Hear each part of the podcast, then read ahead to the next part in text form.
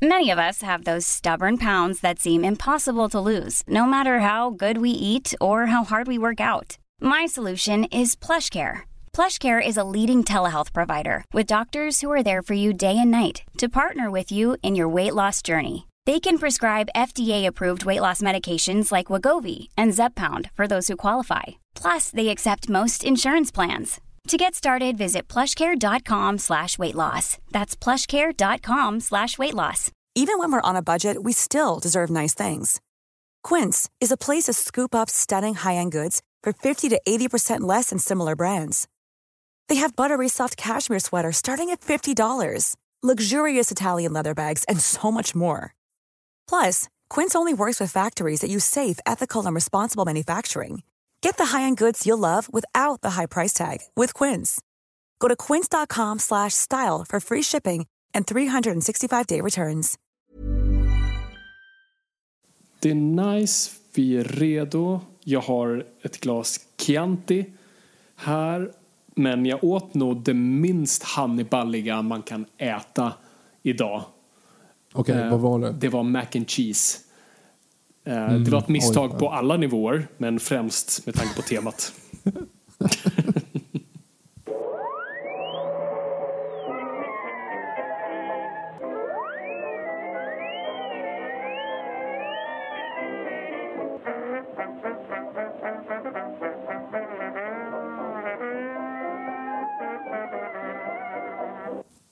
Då börjar det i stort sett bara. Hej och välkomna till Nörden jag, jag som är nörden Fabian Nordlander. Och det är jag som är jag, Viktor Det här Engberg. är podcastens samarbete med Acast där vi pratar nördämnen, nördkultur, sex bildade syftet där jag försöker bilda Viktor saker han tycker om men inte vet så mycket om. Och idag är en eh, balldag. Idag är en ball dag. Det är, idag ska vi prata den troligtvis mest, den mest omtalade, läskiga, mest krypande kannibalen vars namn är på allas våra läppar. Army Hammer. Ja, just det. Det var ju lite kul när du sa det här att oh, men vi måste prata Hannibal för det är ett jubileum. Och då precis typ dagen efter så kom Army Hammer ut och sa att han var som han. Jag hängde aldrig riktigt med där. Ja. Han pratade om att han, att han vill äta folk. Är det är det, det som är grejen? Ja, det var väl lite mer, mer än så. Nu pratar vi rykten här och vi är ju väldigt tidsenliga. Eller vi, vi, vi är väldigt bakom flötet på den här nyheten. Den är några veckor gammal nu och säkert hej framtiden. Eh, har folk glömt bort det? Eller kom Army Hammers eh, karriär tillbaka? Det, det får ni höra av er och säga. Nej men det läcktes ut D, D, DMs eh, från Instagram där han hade pratat med någon, med någon eh, fröken om att hur han ja, ville i stort sett äta henne. Han sa att han var kannibal, att det var sjukt att erkänna det. Hur han ville äta henne medan hon såg på och sen ha lite roligt med vissa delar, sy ihop henne igen. Och, ja, det, var, det var massa intressanta detaljer. yes. Och vi vet att det är han då. Det är inte så att det liksom är någon, någon sån här porrbot Ja. som har bara döpt sig till Army Hammer Official med typ 3F och sen så har det tagits som Ja en exakt, sanning. det är, ju, liksom. det är ju väldigt lätt att photoshoppa något sånt. Men, ty, men jag vet inte, folk valde, eller och hon hade tagit bort sina då, svar till alla de här grejerna. Så det var, såg ut som han hade en monolog med sig själv. Men ja, nej, folk tog det för att det, det typ var han. Han såklart förnekade det, men sen så slutade också jobben komma in. Så och han droppades av Och det är inte en sån här Richard Gere-grej utan det är liksom... Det är lite kul för det var precis det jag satt också och teoretiserade uh, där jag pratade med min fru om det. Så här, här kanske bara blir, det, det, det kommer ju oavsett vad bli en Richard Gere-grej. Uh, Richard Geres var ju verkligen inte byggt på någonting. Där fanns det inga DMs eller stackars hamstrar. Men i, i det här fallet finns det ju ändå någonting att gå på. Uh, och för er som inte vet, eftersom allas, eh, eller nej inte alla, alla serietidningar är någons första serietidning. Fabian, vad är det Richard Gere-grejen? Ja, men det, det är den här myten. Det finns säkert en bra historia bakom det som jag, som jag inte känner till. Men det, det började skapas ett rykte för flera år sedan att, att eh, Richard Gere gillade att ha hamstrar, murmeldjur uppe upp i Mumindalen. Och det var liksom hans grej. Eh, helt obefogat, inte byggt på någonting som så här. Eh, det var ingen hamster som kom ut med den här historien eller att det fanns någon bild. Utan det var bara en grej som började bli en spridning. Och han tog tydligen ganska illa upp över det här och försökte få stopp på det. Men det blev lite Barbara Streisand-effekten över det. Okej, eftersom allas serietidning är någons första serietidning, vad är Barbra Streisand-effekten? Barbara Streisand, vi, vi, känner du till den här Victor? Nej, faktiskt inte. Det är rätt kul. Så som jag förstår det så här då, eh, 70-80-tal någon gång, eh, kanske senare, så var det någon tidning, om det var skvallerpress eller Page Six, som publicerade bilder på Barbara Streinsens typ nyköpta hus. Och eh, hon blev jättearg för hon ville inte alls att folk skulle veta att hon hade köpt det här huset. Så hon stämde tidningen och det blev en jättestor grej. Så att hon snarare drog mer uppmärksamhet till då det här huset för då började fler, fler skriva om det just för att hon drog upp det. Eh, så det blev liksom motsatt effekt och det är det som sen dessa kallas för Barbara Streisand-effekten. Ju mer du pratar om någonting du inte vill ska pratas om, ju mer förstorar du det. Ja, men det måste ändå vara ganska ärofyllt att ha liksom någonting uppkallat efter sig på det sättet. Ja, gud ja. Och det är det, liksom, folk verkar, det är folkmunsgrej, Barbara Streisand-effekten. Och även om du inte vet hur det, vart det kommer ifrån så vet alla typ vad det är för någonting. Mm. Uh, Utom jag då. Ja. Men det är inte därför vi är här idag. Det är inte därför vi är här idag. Idag, idag är en bra dag Viktor. Jag, jag är så otroligt taggad på, på dagens ämne. Uh, det, det är otroligt lägligt. Vi pratade ju om det här i slutet på förra året. Så här, ah, vi borde ha ett avsnitt om Hannibal. Så ja, det vore kul. Eh, och vi försöker ju ofta släppa avsnitt som ibland är lite, det kommer kanske med en film eller att det kommer med, med ett jubileum av något slag. Men jag kände lite så här, ah, ja, ja, vi får väl kanske klämma in Hannibal någon gång sådär mittemellan avsnitt. Men sen såg jag bara typ dagen efter vi hade pratat om det att det skulle komma en Clarice-serie eh, typ nu och bara fan vad nice. Och sen typ ett par veckor innan nu så såg jag också, aha det är ju fan det är ju 30-årsjubileet av den filmen och 20-årsjubileet av Hannibal. Så att eh, det, är liksom, det, det, var, det blev något mer lägligt än så. Och vi spelar in det här dagen efter det faktiska eh, 30-årsjubileet för att eh, eh Lammet tystnad hade biopremiär eh, Alla hjärtans dag. 1991. Vilken romantisk film att gå och titta på ihop. Mm -hmm. Eller hur? Det var Jonathan Demis, han insisterade på att han tyckte det var väldigt bra release date. Mm. Eller för sig, vi kommer komma in varför den release eh, den specifika release-daten. Men ja, vi kommer in på det. Jag förstår. Men först Victor. Men så här. Ja, förlåt. Ja, pan, nu hann du före. jag antar att du tänkte fråga vad min relation till Hannibal. Ja. Uh, ja, men jag börjar väl då. Mm. I stort sett bara. Självreferens. Eh, så här, jag har vetat om vad Hannibal är och det var du som påminde mig om det här. Jag mm. trodde inte, alltså när du sa så här, men du gick ju omkring i en Hannibal-tröja. Nej, det gjorde jag inte. Men sen har det liksom morfat in och jag vaknade här om natten bara så här, satte mig upp i sängen bara, jag hade en Hannibal-tröja. jag kommer ihåg nu, jag hade en Hannibal-tröja. Och för er lyssnare där ute som inte hängt med här i mina tröjval så var det så. Jag, jag brydde mig inte speciellt mycket vad jag hade för kläder på mig. Det var väldigt mycket reklam-t-shirtar för att min, min mor jobbade i eventsvängen en del. Så jag fick väldigt mycket kläder. Jag gick omkring ganska länge i liksom en stor bara kaffeknappen-tröja liksom på Eh, i, i skolan sådär, i högstadiet bara för att jag hade ingen relation till kaffeknappen överhuvudtaget bara för att det var en tröja och det råkade stå kaffeknappen på den väldigt stort. Den hade jag på mig. Jag vet inte varför. Hur som helst, jag fick i alla fall jättemycket film-t-shirtar och det är inte de här coola film-t-shirtarna som jag tänker nu utan det är liksom mer sådana här obskyra typ, men Al Buena Vista eller vad heter de här som Sander Metronom hade typ en bio-release bio och då skickade de typ gratis paket av promotion material till vissa personer och min mor var en sån. Eh, och då fick jag alltid dem, för hon ville inte gå omkring dem. Så att jag hade de tre tröjorna, mina topp tre tröjor. Jag tycker att Hannibal är en av dem. T tänk in här nu, det är 2001, så att jag är 11 år gammal. Eh, jag går omkring liksom i lågstadiet i Europaskolan i en tröja med Hannibal, med Anthony Hopkins i de här röda ögonen och på ryggen. Och så. Det, var, det var liksom så. Det, det är konstigt. Jag gick också omkring i en The Haunting-tröja. Den filmen som med Liam Neeson och Owen Wilson när ett hus är elakt och formar en hand och slår en person med, genom en dörr.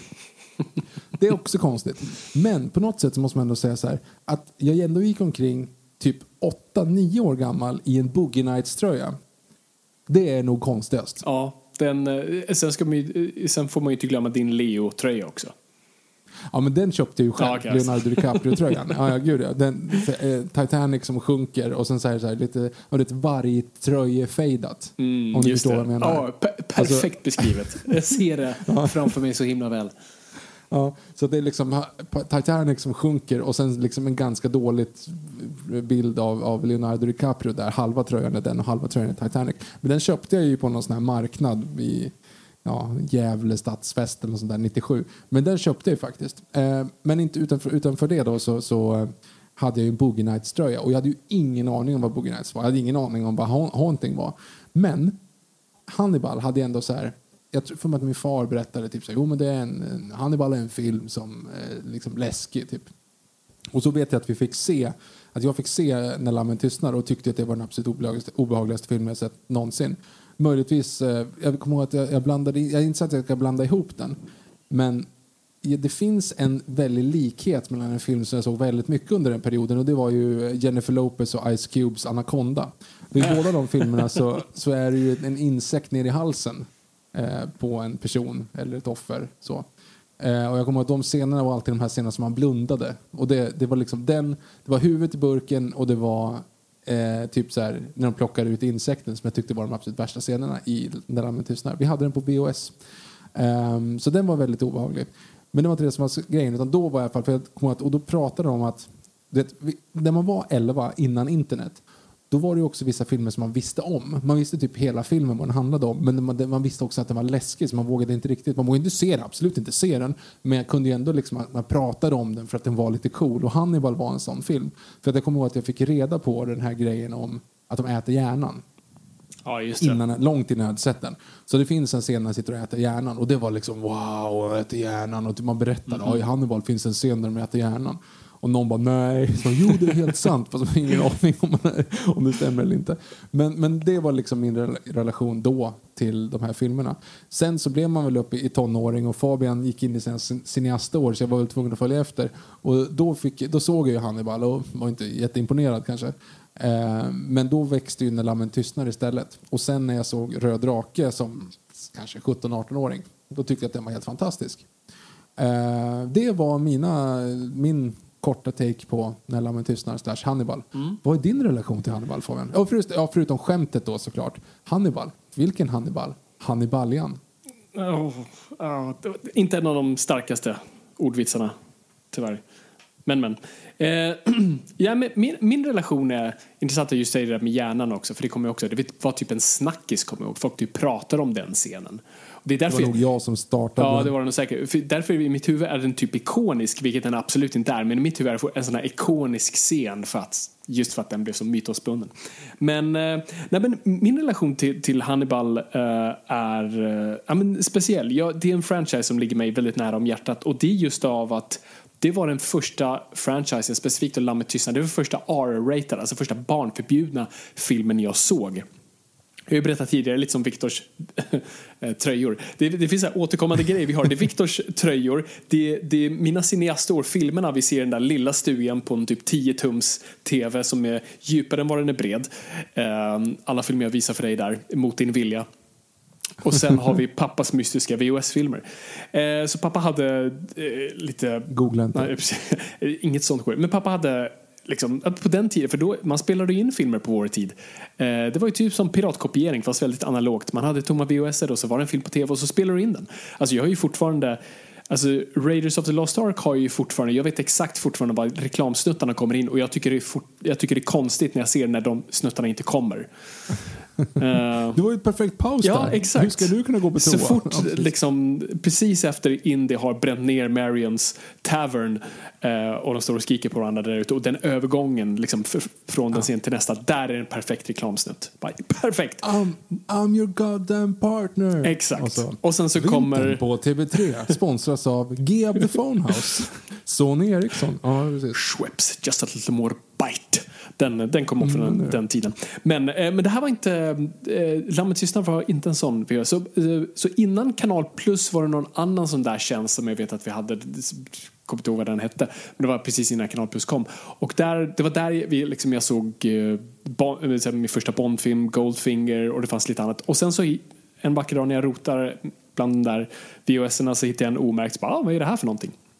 Och jag slår på den. Jag är typ Eh, absolut senast 11 år, 10-11 år. Och, och, man ska komma ihåg, jag är en väldigt harig jag är en harig person men jag var extremt harig när jag var liten. Alltså jag kunde knappt...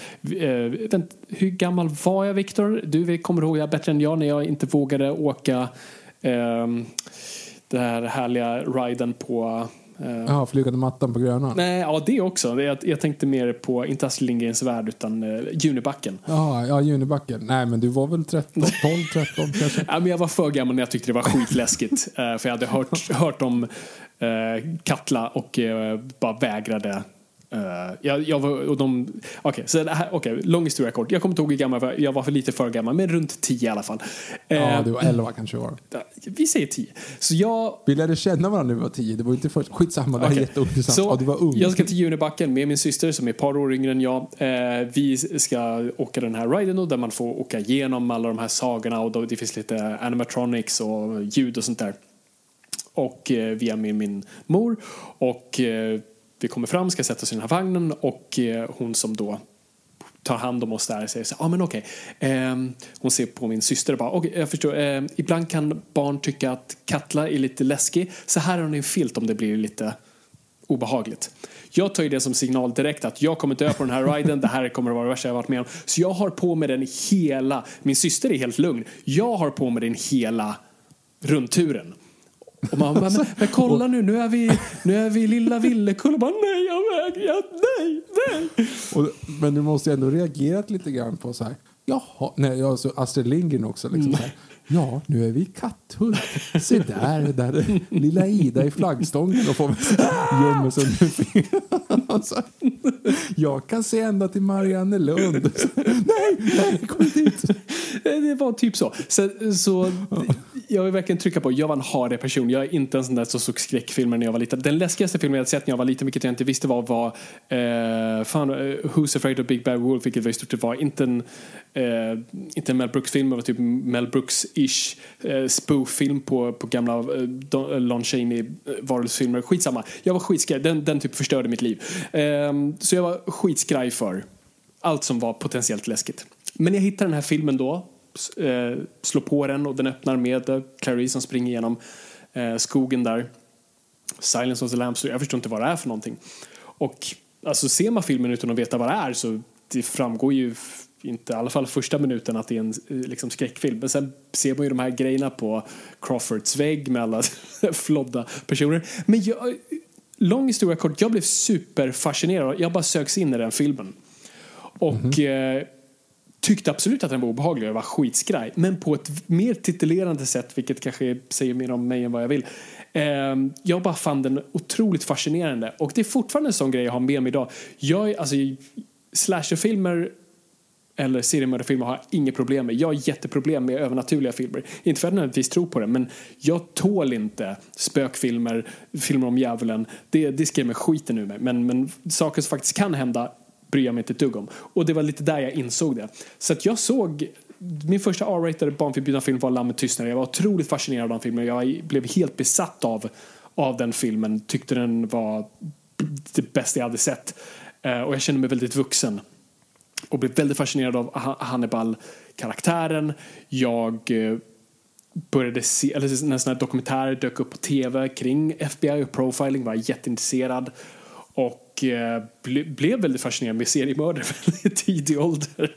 Eh, och sen när internet kom och när, liksom, när jag kunde köpa DVD-erna och man kunde se eh, just dokumentärer kring seriemördare och, och profiling och sånt där blev jag otroligt intresserad av det och väldigt stor beundran av av liksom den enheten, behavior science, eh, på F- hos FBI. Därav när Mindhunter kom, det var ju typ alltså, kattmynta för mig.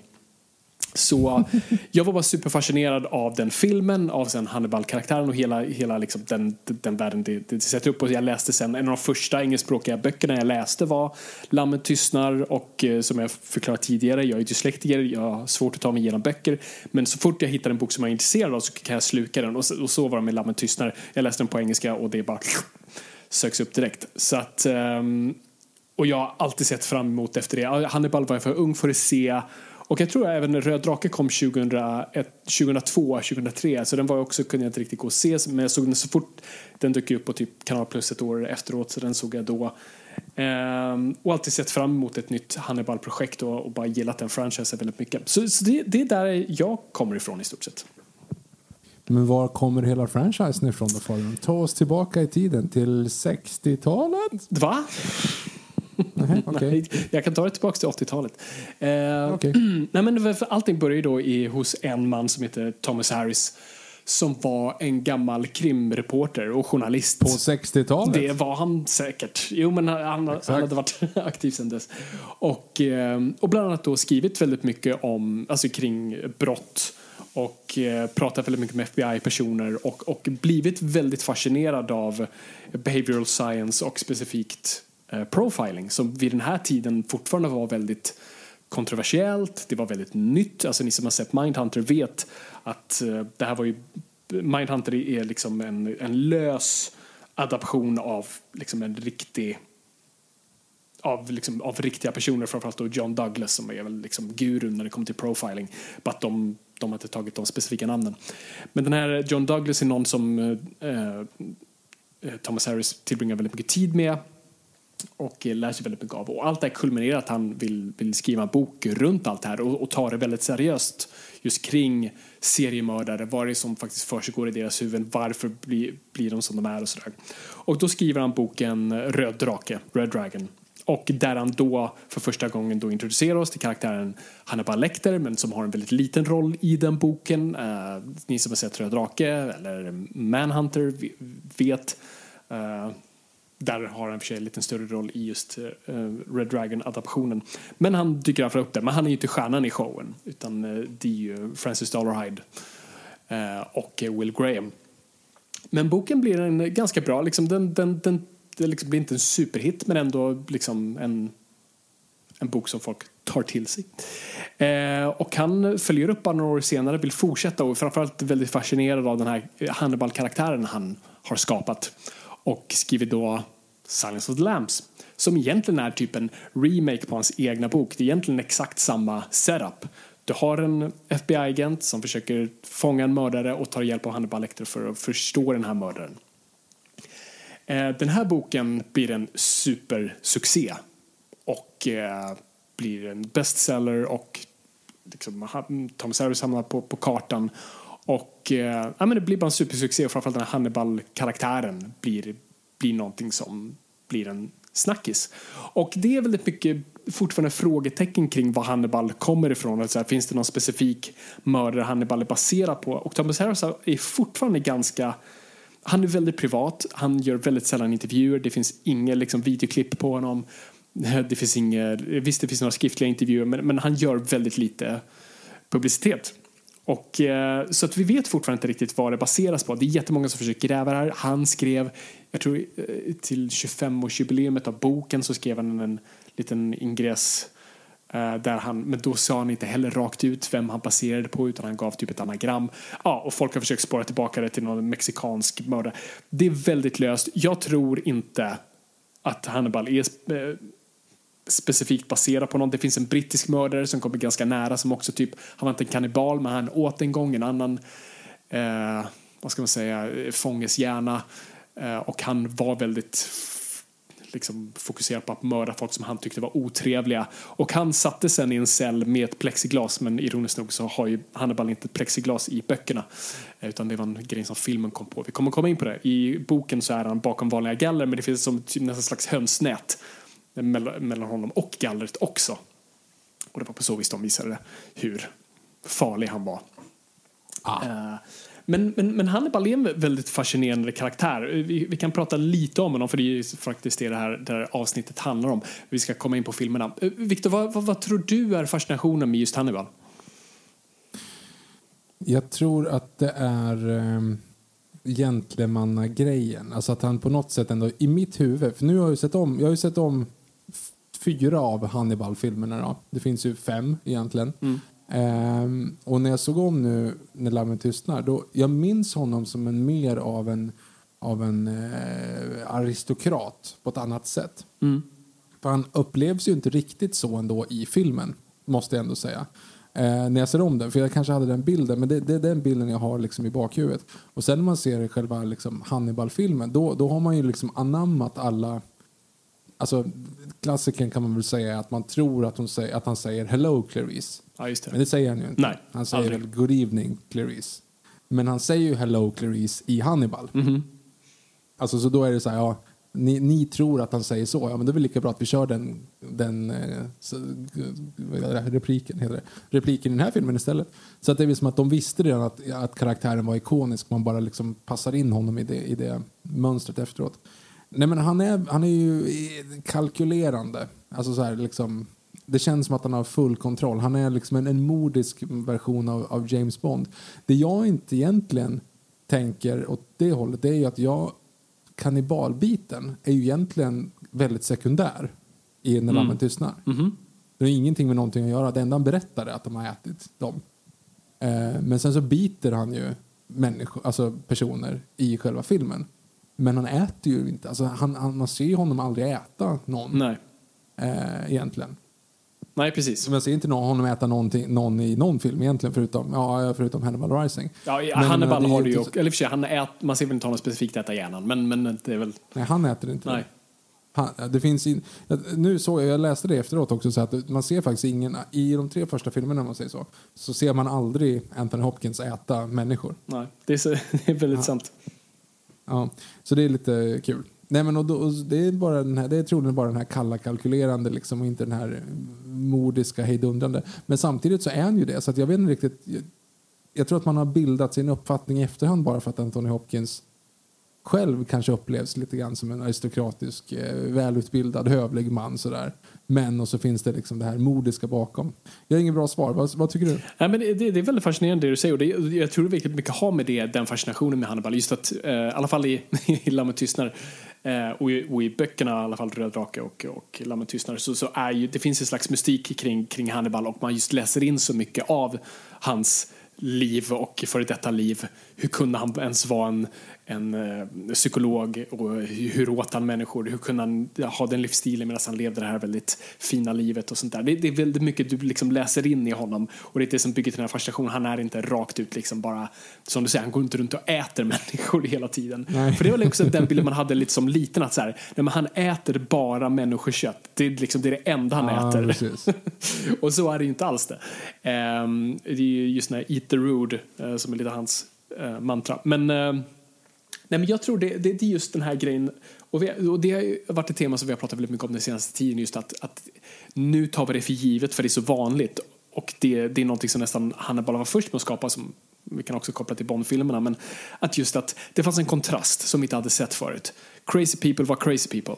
Eh, absolut, du hade haft dina som Bondskurkar eller, eller gamla liksom, Dracula-skurkar där du hade den här aristokraten som var väldigt eh, hövlig och pratade väldigt väl eh, men som bakom det var, var, en psykopat eller mördare eller, eller bara maktgalen. Så det hade funnits, men det, det tog Hannibal till en helt annan nivå. Att det fanns det här vackra yttre, eller i böckerna inte särskilt vacker men, men det finns det här i alla fall eh, gentlemanna yttre och eh, med så det groteska under det hela. Och det är det vi någonstans finner fascinerande. Och jag tror det är det som, och jag, jag trycker väldigt mycket på Dracula-aspekten av det, för Dracula har lite samma grejer. Alltså Dracula är den mest adapterade eh, karaktären någonsin. Det finns ingen karaktär som varit mer adapterad än Dracula. Eh, Jesus han har inte varit adapterad så, så mycket. Det har skrivits jättemycket böcker kring Jesus så vi kan ändå räkna nog alla filmer Jesus har dykt upp i. Men, men, men Dracula finns det liksom tusen olika böcker, tusen olika filmer, tusen olika... Ja, men det, han har dykt upp i serietidningar vet, överallt. Jesus, absolut, han är nummer, nummer två, men Ja, jag förstår vad du menar. Men Drakar är nummer ett. Och det finns något, och jag tror just samma sak där, det finns den här aristokraten som, som har det här ruttna inre. Jag, jag tror det, det, är någonting titulerande i det, men jag tror också just med Hannibal att det, det fanns, du kunde läsa in så mycket i den karaktären. Jag tror det var huvudkomponenten i det. Att hade du introducerat Hannibal som den här kannibalen som kunde runt och käkar människor varje dag, ingen hade typ uh, tittat två gånger eh, på en sån slags karaktär, men jag tror just, vi kommer komma till det också i, i, i särskilt Lammet tystnar, eh, på hur de verkligen framhäver det. Men, men, men jag tror det är just kontrasten av Hannibal som, som var så fascinerande. Och, och det är väl, jag vet inte vad jag finner honom så fascinerande. Det är väl delvis det. eh, att man har, att det finns den här personen som har det har jag pratat om förut, min fascination med karaktärer som har eh, någon enorm kontroll. Eh, för jag har också ett sånt där kontrollbehov. Jag är inte en kontrollerande person men jag, jag, på något sätt, jag skulle vilja ha samma kontroll som James Bond har eh, eller som Batman har. Att de kan på något sätt så här, och det här kan Hannibal också göra, han kan på något nästan kontrollera sin hjärtrytm. Att man har så pass självkontroll ehm, är, är beundransvärt. Blandar inte, du, blandar inte du ihop det nu när Pierce Brosnan sänker sin Ja, puls så att de kommer in och försöker återuppliva honom så han kan rymma ur det fängelset? Precis. Och använda en brown rakapparat? Uh, var det en brown eller var det en... Ja, det kan ha varit en brown. Oh, det var någon brown. Philips kanske? Philips kan det ha varit. Jag tror nog det är en Philips. I Nightfire i alla fall. Ja, just det. Ja, skitsamma. skitsamma. Och det är lite, det vi pratar om i Illa med tystnad, men kommer från boken Röd drake då, då, då Dr. Chilton berättar om när Hannibal gav sig på en eh, sköterska medan han då gör ett EKG-test för att han har sagt att han har ont i bröstet. Och de säger att hans puls aldrig gick över 85 eh, när han väl gjorde det. När han anföll henne, när han själv sen blev slagen av vakten och allt sånt där. Att han, han kunde hålla sig så pass lugn hela tiden. Eh, och, och det finns någonting väldigt balt och fascinerande i det tror jag. En sån karaktär som har sån ofantlig kontroll hela tiden. Han har de här behoven uppenbart. Alltså kannibalism gör han inte för att han nödvändigtvis tycker det kanske är, är liksom det bästa sättet att tillaga mat eller det roligaste att göra. Men någonstans det finns det här behovet och han kan, men han kan ha det inom kontroll på något vis. Och jag tror det är någonting vi alla beundrar. Att vi har också alla vi har inte behov av att äta människokött. Eller jag vet inte om du Viktor, men, men, men jag, jag, jag har inte de behoven. Men vi alla har behov och, vi all, och många lider av beroenden. Om det alkoholism, droger, sex, mat. Eh, men att tänk dig att kunna ha de grejerna men ha det under kontroll. Och jag tror vi beundrar en sån karaktär väldigt mycket. Eh, på, på något väldigt konstigt, sjukt plan. Och jag, jag tror det är det som är fascinerande med, med Hannibal. Eh, jag tror vi läser in så mycket genom och han är en slags tillflyktskaraktär. Liksom James Bond. Um, så allt kan, precis som allt kan kopplas till Batman kan nästan allt kopplas till. Uh, du kan ju faktiskt koppla till, uh, nej det kan du inte alls. Jag tänkte precis, han har slagits mot Hannibal. Det är Dracula än en gång. Fan, nu jag mixade ihop Va? det. Var inget, hej då. Jaha, okej, ja, du tänkte Jag, jag, Christopher Lee ja, nej, gud, jag drog jättemånga eh, konstiga paralleller i mitt huvud. Nej, jag tänkte att, för Batman har ju slagits mot Dracula i serietidningarna. Så, Men Mm. jag pratade om Dracula, men jag menade Hannibal. Och Hannibal har han ju inte slagits mot. Inte i Elseworld, så jag har läst i alla fall. Eh, Men gud, vilka influenser du har i alla fall sett. Definitivt. Jag tror fan i... eh, Rätta mig om jag har fel människor, men i Long Halloween så har Calendar Man i hans cell har jag för mig också har plexiglas. Och han eh, nästan inramas lite som en, som en Hannibalesk karaktär. Har jag i mitt huvud, men jag kan bara retroaktivt applicera det. Skitsamma. Ska vi gå in på filmerna, Victor? Let's do it. All right. Fast innan, innan vi gör det Ja. skulle jag tycka ändå att vi eh, ska gå till reklam. Mm.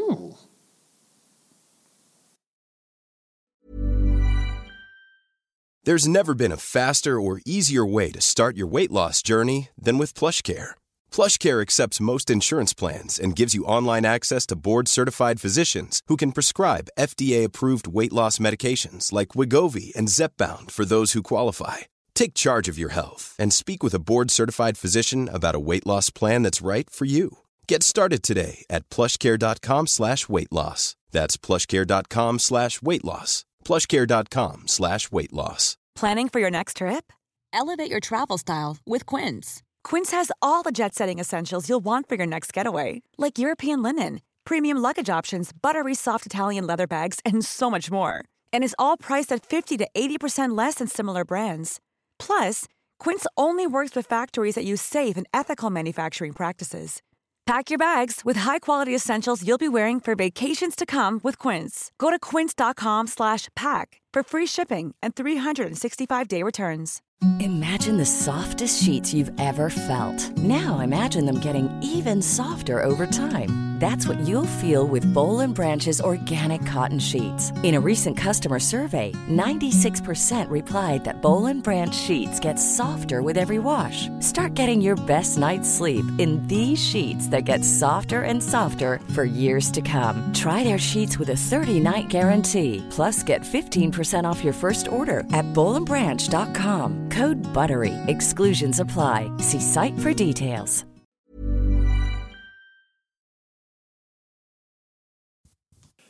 Då är vi tillbaka. Eh, så nu ska vi prata filmerna. Det är alltså gjort så fan, nu tänkte jag på det. Fem, Fem filmer i, i Hannibal-serien. Och jag tror vi alla vet, alltså det, det är sån här grej som man tyckte var häftig mitt på 2000-talet. Visste du att det fanns en Hannibal-film innan Lammet tystnade? Bara what? Uh, men de flesta vet om det vid det här laget. Men om du inte vet om det. Sen kom internet. Exakt. Ja. Get your mom blown nu för att uh, vi ska prata om Manhunter eh, som var filmen innan Lammet. Som kom 1986. Eh, regisserad av Michael Mann. Och eh, hade Brian Cox i rollen som Hannibal Lecter, eller Lector som han heter i ja, den här. Känn, och för er som funderar, Brian Cox, varför känner igen det? Jo, men det är han som är Agamemnon i Troja från 2004. Just det, det är den filmen vi alla minns honom ifrån. Mm, för den som, det är såklart alla sett Troja här, eh, men ni som ja, kanske har sett eh, Succession på HBO så, så är det ju det han är främst känd från nu. Folk som är för unga för att ha sett Troja, Viktor, alla, okay, alla har såklart sett eh, eh, Så den var ju, det var ju en adaption av Red Dragon. Eh, den hette inte Red Dragon på grund av... Den här är ju... Oh, oh, vi kommer att prata mer om honom. Så den här är producerad av Dino De Laurentiis. Vet du vem Dino De Laurentiis är, Victor? Han har producerat alla Hannibal-filmer? Eh, förutom Lammet tystnar, ja. Jaha, gjorde han inte? Okej, okay, men jag känner, jag känner igen hans namn i, i uh i eh, förtexterna. I de, de, jag trodde att det var alla filmer, men det kanske inte alla. Men typ Nej, Nej vi kommer ju komma in på den, den krångliga historien med, med rättigheterna till Hannibal. Um, Dino De Laurentiis är en gammal riktig så här, demonproducent eh, kallad den sista filmmongulen. Född 1919 och producerade jag vet inte hur många hundra filmer. Allt från Fellini då fram till upp till Hannibal. Det var nästan bara Hannibal-filmer han gjorde mot slutet. Alltså han är en mix mellan eh, filmproducent, maffiamedlem gangster och bara weird snubbe. Eh, han, har ett fräckt namn. Exakt, väldigt fräckt namn. Och eh, han producerar, han producerat tusen, han producerade bara filmer som vi har pratat om, eh, King Kong från 70-talet, Jeff Bridges mm. och Jane Fonda, nej inte Jane Fonda, nej, Bridget Fonda, nej Bridges, Brid herre Jesus, jag ska inte prata. Ehm, och June, det är väl de kända grejerna eh, som, som kopplat till den här podden. Han är en weird snubbe i alla fall. Och eh, han producerade Manhunter. Han köpte rättigheterna då direkt från Thomas Harris till Hannibal-namnet och då karaktärerna som originated i Röd Drake. Vi kommer komma tillbaka till det. Så, de ska producera Röd Drake. De bestämmer sig för att byta namn till Manhunter för att Red Dragon, eh, han hade producerat en annan film som heter Days of the Dragon och den hade floppat så han sa I don't want to, um, I, I, I, we can't do this, uh, it will flop. I did the, the dragon and we can't have dragon again. Och det är så han låter. Och um, de var också förvirrade för kom för filmer var väldigt populärt då att folk skulle tro att det var en Bruce Lee-film så det fick bli Manhunter. Eh, regisserad då av uh, Michael Mann eh, med William Peterson i huvudrollen som Will Graham och eh, Vet, har du sett Manhunter, Victor? Jag har inte sett Manhunter. Det är därför det kanske blir en, en något av en monolog här. Ja. För att jag har faktiskt inte sett den. Ja, vi, vi kommer prata lite kort på den. För jag, nu var det många år sedan jag såg den. Jag försökte eh, hitta den igen till det här avsnittet. Men fan, den fanns ingenstans. Så uh, jag ska, kommer gå lite på minne här. Men, men uh, det, jag kommer ihåg när jag såg var jag väldigt besviken på den. För att den luktar inte Hannibal. Så att säga. Jag fick inte den här känslan som, som Thomas Harris böcker gav mig. Eller resterande filmer gav mig. Eh, det kändes bara fel och det känns fel att det var någon annan än eh, Anthony Hopkins som spelade Hannibal. Och jag, jag var inte så förtjust i Brian Cox porträttering. Nu senare har den hyllats väldigt mycket och jag vet väldigt många som föredrar hans porträttering gentemot Anthony Hopkins. Jag vet inte, om du såg har du kollat något Youtube-klipp på, på honom? Jag har kollat jättemycket Youtube-klipp så jag har sett massa scener med honom. Han är lite mer snabb, snabb i käften lite mer kaxig. Ja, liksom. exakt. Um, men jag vet att Mark Kermode föredrar ju ja, Brian Cox. Ja, jo, precis. Han, han, han nästan hatar Anthony Hopkins uh, Hannibal-porträttering. det var pantomim. Ja, precis. Att det var bara det han hela tiden. Och vi, vi, kan komma in på det. Det finns, finns lite legitimt i det han säger. Men, men uh, jag skulle ändå inte säga att jag får inte, den känslan jag får av Hannibal-böckerna får jag inte via Brian Cox riktigt. Han gör ett intressant jobb och han gör några intressanta val. Eh, han, han baserade sin prestation på sin 15-åriga son. För Michael Manns typ enda regi var typ säga jag vill att han ska vara som en brittisk skolpojke. Okej, okay. uh, weird, men okej. Okay. Eh, men, men grejen med den, och, och det är egentligen ingenting negativt, det är Michael Mann-film mer än en Hannibal-film. Och, och, varför skulle det inte vara det? Du tar Michael Mann av en anledning. Alltså, den är väldigt stilistisk, väldigt Michael Mannig. Eh, alltså, det är den mest 80-taliga filmen du kan se. Det är ganska ironiskt att bara fem år senare kommer Lammet tystnar som liksom gjordes nästan under samma decennium och de ser ut att vara typ 30 år emellan. Alltså den är så 80-talig. Tänk dig Miami Vice i Nosunk med Michael Mann och typ bara pusha pastellfärgerna ännu hårdare. Eh, Stryps någon med en freestyle? Det, det, skulle kunna ha varit så. Det hade inte förvånat mig om de hade gjort uh, Tooth Fairy till, till en sån karaktär som åker runt med en Walkman och okay. stryper människor. Men det hade kunnat vara. Du, klimaxet uh, är liksom iscensatt med Ingada Davida i, som bakgrundsmusik, vilket är väldigt intressant, som verkligen på något sätt tilltalade tonårscineast Fabian och min svara basperiod. Men uh, samtidigt kändes filmen Hannibal-film. Uh, Ingada Davida för övrigt jag vet inte, kommer du ihåg den i, i ett Simpsons-sammanhang? Simpsons-kontexten. Ja, det är jätte... The Garden of Eden from, with, from I, Ron, Butterfly. dun, dun, dun, på orgen. Ja, exakt. Ja, ja. 20 minuter senare och sen dör den stackars eh, organisten. Eh, jättebra. Och det är också lite kul att den, den låten heter ju Inkata Davida Uh, och myten går ju att de var så jävla höga. För, det, alltså, för att låten heter igen In Guard of an Eden men man hör inte ens att de kan sjunga det. Så det är bara In Gada Davida Hane. Um, och den använder de då i klimaxet. Um, fighten då mellan uh, Graham och Dollaride. Så det, det var ett mm. intressant val. Um, och filmen kom ut och fick ett ganska mediokert uh, mottagande och uh, floppade och det var liksom, och Thomas Harris hatade den och svor att aldrig mer se en adaption av hans verk igen. Uh, och det kan jag säga innan jag, så att jag inte glömmer det. Han, uh, bara för typ ett par år sedan såg han Lammen tystnar.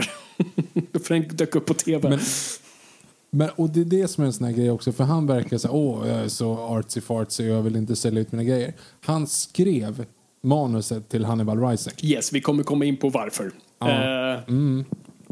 Men, eh, nej, men så det kändes ju ganska dött i vattnet att, att, att det skulle komma liksom en till, till filmatisering. Eh, Dino De Laurentiis ville ju inte röra det för att han kände ju bara att det här är ju en jävla skit-franchise. This is that shit franchise. Nu blev han fransk. Det ska han inte vara. Jag ska vara italiensk. Skitsamma. Eh, och eh, så några år senare då så kommer Lammet tystnar som då blir från ingenstans en superbästsäljare, en jättepopulär bok. Och Hollywood kommer då och nosar men ingen, typ vill, ingen vill röra det, för så fort de läser boken så bara oh, ew. Det här är, det, alltså, det, man hade ju inte gjort sådana här filmer. Det enda man hade sett, alltså Motorsågsmassakern, det var B-film, det var liksom bara snusk och slask. Nej, det, det är ingenting som en fin Hollywood-studio skulle röra. Um, men Thomas Harris är tydligen ganska på att få den här boken såld så han faktiskt pushar studiorna, eller hans agent pushar studiorna att här, ta typ en till titt på det och försöka, det finns ett slags, förut fanns det ett slags Hollywood-system där det fanns läsare och de gav ut ett officiellt ord eller en, en recension på en bok och det typ om de typ valde att boken inte var lämplig så rörde inte studion den så de försökte övertala de här läsarna att det faktiskt var en bra bok så de fick lite bättre betyg och då började studierna börja nosa men ingen var intresserad en gång, så här, ingen ville röra ett sånt här ämne. Men eh, hör och häpna, den som plockar upp den här boken eller det är en parallell historia, men vi börjar med den här. Så den som plockar upp den här boken först är, eller först, men som verkligen får nys om den och vill göra någonting av det är Gene Hackman av alla människor. Och Gene Hackman ser det här som ett ganska bra tillfälle för han vill börja regissera eh, och han ser det som ett ganska bra eh, ja, alltså e- e- e- ett, ett bra ämne om någon anledning, en bra story att faktiskt börja sin regikarriär. Så han tänker, fan den här, den här ska jag nog göra och jag ska nog spela Hannibal Lecter. Tänk er det, Gene Hackman. Alltså Gene Hackman är en fantastisk skådis, jag älskar honom. Men, men som Hannibal Lecter vet det fan. Så han köper rättigheterna tillsammans med Orion Pictures och de, går, de lägger liksom hälften var, så jag tror bokrättigheterna går för en miljon dollar, så de lägger upp 500 var och eh, de anställer Ted Talley att skriva manuset. Men när manuset väl börjar skrivas och Gene Hackman börjar läsa det. Jag förstår inte riktigt det här för att så här, läste inte du boken gubben? För att han blir mindre och mindre intresserad och börjar tycka att det känns väldigt våldsamt alltihop. Och kän, det här känns inte alls... Nej. Nej. Vad trodde du? Det är inte som att filmen liksom är värre än boken. Uh, knappast. Uh, den är antingen typ identisk eller så är boken värre. Och eh, Gene Hackman får allt mer kallare och kallare fötter. Och till slut börjar säga, ah, men jag kanske inte ska spela Hannibal, jag kanske ska, ska spela Crawford. Och eh, till slut, jag tror det är hans dotter som, till, som läser boken och sen bara, nej men det här kan du inte göra, det här är ju bara snusk. Nej, glöm det där. Så han hoppar av. Och eh, Orion Pictures väldigt snällt eh, köper rättigheterna hälft, tillbaka, hälften av honom. Så de, de ger honom 500 000. Och liksom no, no harm, no foul. Men då sitter Orion på de här rättigheterna och de gillar verkligen boken och vill verkligen göra någonting med det här. Så de ger sig ut på jakt. Parallell story. En annan person som har plockat upp boken och verkligen älskat den är en ung Jodie Foster. Och hon försöker köpa rättigheterna men hinner inte på grund av Hackman. eh, han före. Och hon verkligen lobbar för att hon vill spela Clarice. För i hennes huvud så är det här en... Det är två grejer. Så dels är det, hon ser det som en story om en kvinna som försöker rädda en annan kvinna. Och nummer två, eller egentligen tre saker. Så, och den andra grejen är att hon kände att hon hade spelat väldigt mycket offer. Så det här är liksom post taxi driver. Hon hade egentligen bara fått spela liksom unga liksom, offer efter det. Och kände inte riktigt att det var den vägen hon ville att hennes karriär skulle gå. Hon hade precis vunnit en Oscar så det var inte, liksom, det var inte prestigen hon behövde. Utan, men hon kände bara jag vill, jag vill liksom spela något starkare, något mer inspirerande. Uh, så hon verkligen lobbade för att få den här. Och hon var också väldigt intresserad av FBI-aspekten av det. För man ska ju komma ihåg att om du får gissa Victor, varför tror du hon är så intresserad av FBI? Eh, det, skulle, det vet jag inte. Okay, nej, det, det är en väldigt obskyr eh, referens eller fråga. Nej, men det, för några år, år, tidigare så hade ju någon försökt mörda eh, Ronald Reagan för att impa på Jodie Foster. Om du minns det här. Ah, Hon hade ju en stalker som fick för sig att så, om jag mördar Ronald Reagan så kommer Jodie Foster älska mig. Eh, det var ju något taxi driver-influencer där som låg och bubblade. Och hon hade då varit i direktkontakt med FBI och jobbat väldigt mycket med dem och fått väldigt mycket hjälp. Så hon hade en väldigt stor uppskattning och fascination med dem.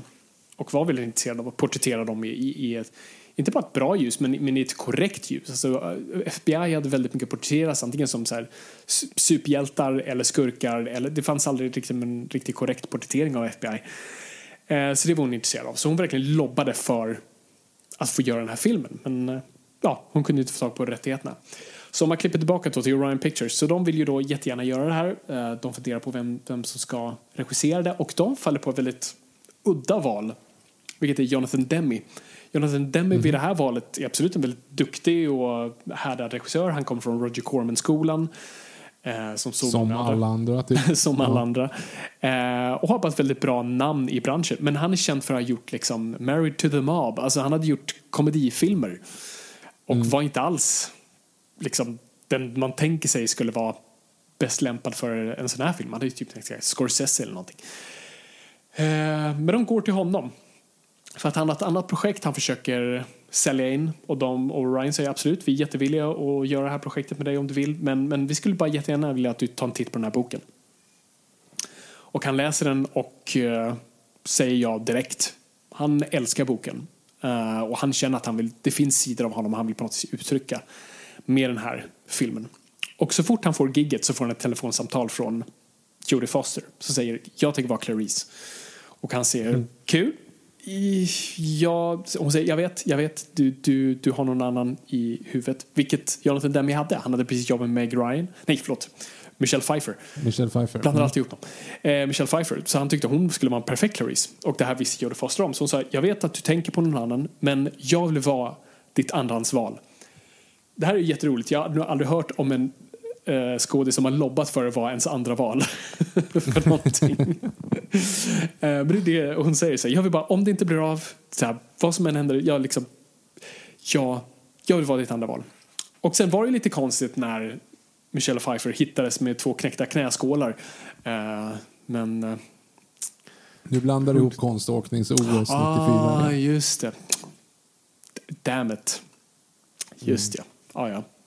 Så kan det gå. Nej, såklart. Eh, Meg Ryan läste manuset och bara, ew, nej, jag tänker inte alls göra det här. Det här är för våldsamt. Jag vill vara Catwoman istället. Exakt. Men det makes sense någonstans. För hon hade gjort typ Scarface bara några år tidigare som hade fått jättemycket kritik och skit för att den var så våldsam. Så jag kan tänka mig att hon kände lite såhär, jag vill inte vara, liksom, få göra en till sån där film. Och, Där eh, hade du kunnat haft Batman-kopplingen. Men det finns faktiskt en Batman-koppling i Lammen tystnar. Det här har jag googlat mig till ska jag bara Oj. säga. Vänta, nu måste jag tänka. Det finns Mm. en skådis i, i eh, Lammen tystnar som också är med i Batman-film. Oj, det här kommer säkert vara jättesjälv... Eller det finns en till koppling kommer jag på nu. Men eh, det, är inte, Mhm. det är inte en skådis. Eh, nej, nu jag, det kommer vara självklart när du säger Den det. är med i Batman Returns till och med. Som är med i eh, Pingvinfilmen. Ja. Nej, det gjorde det inte lättare faktiskt. Eller vänta, nej. Mm. Det är inte Barney. Nej. Nej. Nej, du får ge mig den. Darla. Darla är med. Tyvärr är ju, jobbas, är uncredited dock i Batman Returns. Men det ska enligt eh, utsago då vara samma skådis. Vänta, Darla? Nu är jag helt hon, som spelar, hon, som- hon som spelar Precious. Vem spelar hon i Returns? Hon är en pudel. Alltså den där pudeln som blir eh, typ så här Är hon smutsig. pudeltanten? Nej, nej, nej. Pudeln. Jaha, pudel... pu- jag tror med hon i uh, hålet. Ah, Okej, nu är jag med. Nej, nej, Pudeln. nej, nej. Precious. Alltså hon som spelar Precious. Hon är också med i Ja. Batman Returns. Men uncredited. Ja, eh, okej. för det är ju en hund som blir skitig där, du vet. Ja, ja, Mm. Den hunden är tydligen samma hund som är i Lammen tystnar. där ser man. Mm, Cool som heter. Darla. Ja, precis. Oh, shit. Okej, skitsamma. Um, jag vet fan vad jag var. Ja, Jodie Foster. Hon fick rollen i alla fall. Och, eh, men nu är frågan, vem ska spela Hannibal Lecter? Så Jonathan Demme har, eller, för det första blir det här typ snacket i stan. Alla vill spela Hannibal Lecter. Det här blir en väldigt saftig roll, pun intended, som typ alla vill ha. Rob De Niro, eh, Dustin Hoffman. Eh, de funderar på uh, Duval, Robert Duval. Ja, det är massa namn som cirkulerar. Men Jonathan Demme har liksom två namn i sitt huvud. Så han tänker så här, okej, jag har ett kom kommersiellt och ett som mitt hjärta vill. Uh, så det kommersiella var, jag antar att du vet vem det här är, Viktor, så jag inte Nej, fråga dig. faktiskt inte. Nej, jag, jag, jag har inte läst på slash Okej, inte men hunnit. så vem, vem jag, tror du att det är? Om du tänker tidsperioden, du tänker en, liksom en, du vill ändå ha liksom, det här ska ju i stort sett vara som Gudfadern casting. Du vill ha en väldigt etablerad, tungt namn som känns väldigt skådis Men i, i, snackar vi ungefär samma ålder? För jag menar, typ så här, hade man, hade man castat Roger Moore i en sån här roll då hade det ju varit Gudfadern. Alltså så här, va? Men eh, nej, nej okej. Hmm. Nej, men Jack Nicholson kanske? Ja, det hade faktiskt varit ett bra val. Det, eller hade, hade varit för crazy. Nej, och du, du, Aha. du var väldigt nära med Roger Moore. Det var Sean Connery. Aha, ja just det. Så de skickar först till Sean Connery för de tänker att det är det mest kommersiella valet. Eh, och han skulle ju på ett sätt passa liksom. I just liver with some fava beans and a nice Chianti. Jag kan inte göra Ja, hur gör han det ljudet? Du måste väl... Som, som, som Sean Connery.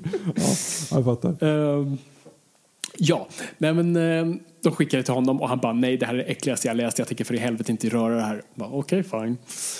Så Jonathan Demme vill då gå till sitt andra val som är då en helt okänd skådis som heter Anthony Hopkins. Som det kanske mest det största kändaste han har gjort är Elefantmannen, David Lynch, Elefantmannen. Och eh, han hade testat vart i Hollywood, det hade inte funkat. Han hade typ gett upp på den karriären så han var i London och gjorde teater. Ehm, och Jonathan Demme besökte honom och såg honom uh, göra en pjäs och sen valde att ha ett möte med honom. Och eh, han erbjöd honom då Lammen tystnar och Anthony Hopkins förstod inte vad det var för någonting. Silence of the Lambs, han trodde det var barn, barnbok. Liksom, Silence of the Lambs, så hade det så här, Good night lamb, Good night sheep, Good night cow. Eh, men det var det inte. och sen när han började läsa manuset så var han så här, okej det här är typ den bästa rollen någonsin. Så han ringde Jonathan Demme och bara, är du säker på att du vill ha mig för den här? För att liksom, jag vill inte jag vill inte bli lurad, eller jag vill inte liksom, jag vill inte tro att jag ska få det och sen inte få det. Bara, nej men du har det, okej fine. Och eh, det är så det i stort sett kommer igång. Så de, de, de, de startar filmningen, det, det, alltså det är en väldigt bra produktion. Eller, alltså, Jodie Foster tar det här stenseriöst. Hon får träna hos FBI, var på Quantico och hon får liksom lära sig av John Douglas och alltså, typ, gå några kurser och väldigt investerad. Och eh, de, hon träffar aldrig Anthony Hopkins. De, de träffas aldrig under hela produktionen förutom när de filmar tillsammans och till och med då pratar de inte ens med varandra. Och eh, det var bara att de var så jävla skraja. Hon var skitskraj för Hopkins och det visade sig sen då när produktionen var klar, sista dagen så pratade de för första gången. Och eh, hon sa så här, jag pratar inte med för jag, bara, jag var skitskraj för dig. Och han sa, nej jag var jätterädd för dig. Så att det visade att de båda var bara enorm respekt och skraja för varandra. För, att liksom, för Anthony Hopkins var hans första typ stora Hollywoodfilm och liksom, Jodie Foster var en stor jävla skådis. Alltså en ikon redan mm. då och en Oscarsvinnare och sånt där. Så att han, han var rädd av en annan anledning. Uh, men Jonathan Demme uh, går stenhårt in för det här. Han filmade på ett väldigt annorlunda sätt. Uh, han, han drar mycket skämt på in, under inspelningen vilket får till och med Jodie Foster att tro att de typ håller på att filma en komedi. För att de gör ibland såna här panoreringar till liksom, så står folk utan byxor på sidan. Alltså de, han, liksom, han filmar skämt. Men så han försöker mm. förklara för Foster att när hon konfronterar honom så här, du, alltså, jag hoppas inte att du typ gör en komedi av det eller att du inte tar det här ämnet lätt för att liksom, jag tar det här seriöst. Och eh, men Demi förklarar att så här, nej, men, jag tar det här stenseriöst. Vänta bara tills du ser det men jag måste bara lätta upp stämningen här för att annars kommer det här bli liksom becksvart. Uh, filmen görs filmen kommer ut. Eh, det är roligt att Orion Pictures är typ har eh, står inför konkurs och eh, har väldigt mycket finansiella problem. Och eh, de har släppt en annan stor film som de satsar stenhårt på. Det här är Dansar med vargar. Så de lägger en skitstor eh, budget på men, affischer, trailers och framförallt en Oscarskampanj. Mm. Och Lamma tysta blir lite så här tillsidolagd. Som den här filmen inte riktigt vet vad de ska göra med. De satsar allt på att dansa med vargar. Och, eh, så de släpper den då inför Oscarsåret då, som blir då 91. Och satsar stenhårt på den. Och släpper Lammet tystnar i då januari, nej, februari, 14 februari. Eh, precis efter Oscar. Vilket då i Hollywood eh, vokabulär så kallas det för Dump Month. Eh, filmer, alltså, det här kan ni notera själva, när ni ser en film släppas i typ januari, februari, det är ofta så här någon så här weird skräckfilm, en romcom, eller så här, det, är någonting det tyder oftast på filmer som studion antingen inte tror på eller som de tänker att de aldrig hade kunnat konkurrera någon annanstans annars. Som de kanske hoppas kan bli typ en hit för att det finns typ inget annat runt omkring. Um, så där kan antingen komma liksom floppar eller typ superhits för att de, de tror inte tillräckligt på dem för att de ska kunna släppa under jul. Eller de har en annan film de vill satsa med Oscars på och sen släpper de blockbuster under sommaren. Men eh, Lammen tystnar släpper de, dumpar då Dump Month och de har en väldigt eh, liten kampanj kring det. Men den drar in så jävla mycket pengar och blir en sån jävla snackare. Den drar in typ nästan 200-300 miljoner dollar, vilket är helt sjukt. Och håller sig fast till Oscarsgalan året därpå till och med. Utan en större kampanj. Och de gjorde ingen kampanj dessutom för Oscar utan de skickade ut lite screeners vilket fortfarande då var väldigt ovanligt. Vi har pratat om det, Harvey Weinsteins teknik av att skicka VHS på den tiden vilket inte var alls vanligt. Ehm, och det blir en superhit som sen drar till och med in de fem stora Oscarna. Vilket alltså är bästa film, bästa regi, eh, bästa manliga, bästa kvinnliga huvudroll och bästa manus. Adaption i det här fallet. Och det blir en sån jävla konstig framgångssaga från en film då som ingen riktigt trodde på. Att som blir den här superhitten och blir en jättesnackis. Och Hannibal blir liksom, men det blir en sån pass stor grej. Alltså Billy Crystal som var eh, programledare på Oscar det året rullades ut då på scenen som Hannibal Lecter. Alltså det var liksom, det var givet. Att det var liksom... Och alla fattade såklart direkt vad det var för någonting. Liksom, ja, precis. Det var en ikon in the making på så vis. Men, ska vi prata om Lammet tystnad, Victor? Ja. Så du, när såg du den här senast? Ja, jag såg den ju senast för en vecka sedan. Ja, men innan dess in, var det länge sedan. Ja, innan dess var det väldigt länge sedan. Eh, men det, som sagt, den sitter ju fast där någonstans. För att det var ju inte den första barnförbjudna filmen jag såg. Eftersom det var ju, eh, åtminstone på bio, ja kanske förresten, på- bio var den första barnförbjudna filmen jag såg var ju From Hell. Med Johnny Just Depp ja. och Heather Graham.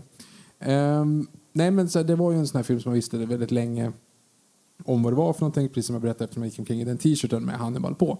Så att den sitter ju där någonstans och det har ju liksom varit ikonisk. Jag tänker återigen på Simpsons. När, kommer du ihåg Bleeding Gums Murphy avsnittet när han dör? Uh, nej. Nu inser jag dock att jag kan ha fel. Eh, för då kommer ju tre huvuden, för han kommer ju upp bland molnen där. Ehm, Eh, Bleeding Gums Murphy kommer upp som, en, som, en, som ett ansikte bland molnen. Nej, fan, det är nog intressant. För det är Darth Vader och det är eh, Mufasa som dyker upp. Men jag kommer fan inte ihåg om det, det är nog inte Anthony Hopkins. Förlåt. Nej, okej, jag skiter i det. Det är inte med där. Men han är däremot med i, ehm, i A Star Is Burns som är ett av de bästa Simpsons-avsnitten som någonsin gjorts. När de kommer upp och när de har casting för vem som ska spela Mr Burns i filmen om Aha, Mr Burns. Just ja. Och då rullas han ju ut och bara säger excellent. Just. Bara sådär. Och alla fattar ju såklart vad det är för någonting direkt utan att man, alltså det är ganska apart men alla fattar ju såklart. Bara för att då vet man ju såhär, är man med i Simpsons då är det stort på 90-talet. Ja, gud, ja. Punkt. Liksom. Ehm, nej men så man visste ju liksom vad det var för någonting såklart. In, alltså man, man, vi- vi visste om det och jag har liksom alltid funnits där i, ba, i bakhuvudet. Men eh, jag hade inte sett om den på väldigt länge. Och nu när man ser den, då tänkte man ju bara Hannibal och man tänkte morden och det är det man kommer ihåg. Exakt. Men det jag uppskattar mer nu, det är ju Clarice. För det har jag aldrig tänkt. Jag tänkte inte på Clarice när jag var 12, 13 liksom. Nej. Eh, det, det finns ju liksom en, en jävligt cool porträttering av en karaktär som, alltså i, i min, när du sa liksom förut, så, ja det kommer en Clarice tv-serie, tänkte man så här, va? Gör Varför det? Liksom, är, är hon något speciellt? Men det finns ju, det, det finns ju någon, alltså en, en, en eh, sub, det, den är mer subtil i När lammen tystnar såklart för att i, i Hannibal så bara slår de alla i ansiktet med det här att hon är liksom ensam kvinna i en mans värld och det här som du sa dessutom om att CIA eller FBI var liksom en, antingen var de hjältar eller så var de skurkar i filmer. Men här är de så här, men de är ju som alla andra. De är liksom, det, det är gubbar som, som tittar lite snett på den och, och det är liksom, man blir diskriminerad och, och det är liksom, det, det är vanliga ganska e- det finns elaka människor och det finns snälla människor och det finns liksom, det, det, så att det porträtteras verkligt på något sätt. Eh, och hela filmen känns verklig. Och det är liksom där någonstans som man tycker är väldigt... ehm, jag, jag gillar hela liksom den delen av FBI. Och när hon blir då castad till att kolla det här eh, för att profilera den här mördaren. Och alla de här scenerna där de går igenom liken till exempel. Det känns ju på riktigt. Det känns ju som man är där. Det känns mer Ja, gud, ja. dokumentärt än vad det är annat. Än vad det liksom är en spelfilm. Om man jämför med till exempel Jaws, alltså som är den enda, den enda andra filmen som jag då åtminstone hade sett och liksom, eh, där, de gör, där det utförs samma sak, eller liksom alla Beck någonsin, men det går inte att jämföra med. Eh, så det tyckte jag var lite, bara, jag, jag tycker att den är väldigt välgjord på det sättet. Och sen så då hade jag ju inte tänkt på det som jag såg om nu, det är ju hur den är filmad. Att det är så, du är ju totalt ifrån Clar- Clarice synpunkt hela Ja. tiden. Eh, och det är så snyggt för att det kan, det är, jag sparkar öppna dörren när jag säger det, kära lyssnare. Det är klart att ni har sett det här. Men det är otroligt ofta där du ser när karaktärer pratar till Clar- Clarice så pratar de rätt in i kameran. Ja. Väldigt mycket närbilder, stillastående kameror och du har bara liksom framat in deras ansikte. De sitter och stirrar rätt in i kameran. Och du har ofta reaction shots, alltså när hon pratar så är du också lika nära. Men hon tittar inte in i kameran utan hon tittar typ en centimeter till höger eller till vänster eller ner eller upp. Alltså det, är så här, det är någonting som är lite, lite off. Hon tittar aldrig in, men hon tittar nästan, nästan in.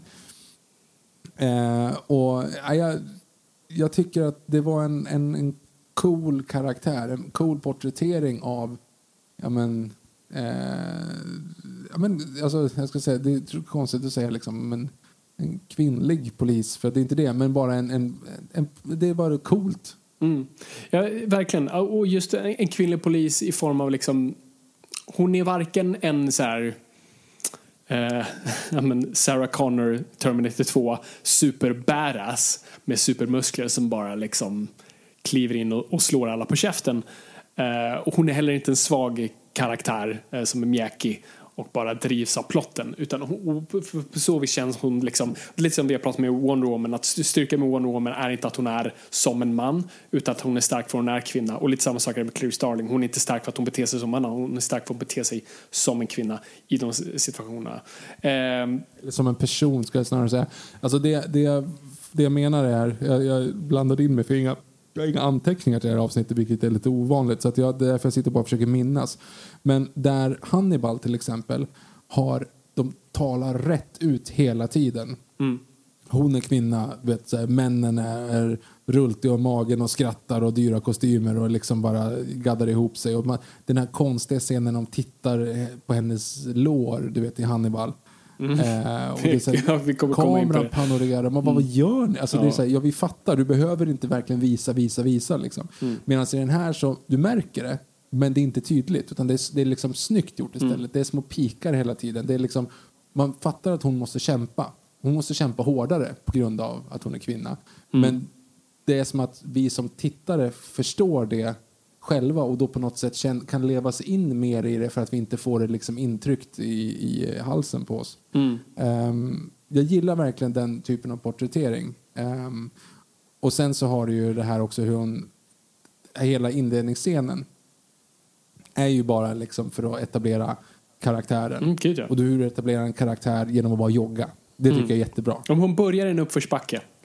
ja, exakt. Ja, men exakt. Det är liksom, uh, exakt. Och de, de castar ju också, när de går igenom FBI där så castar de medvetet, äh, Jodie Foster är ganska kort, så äh, extra långa män.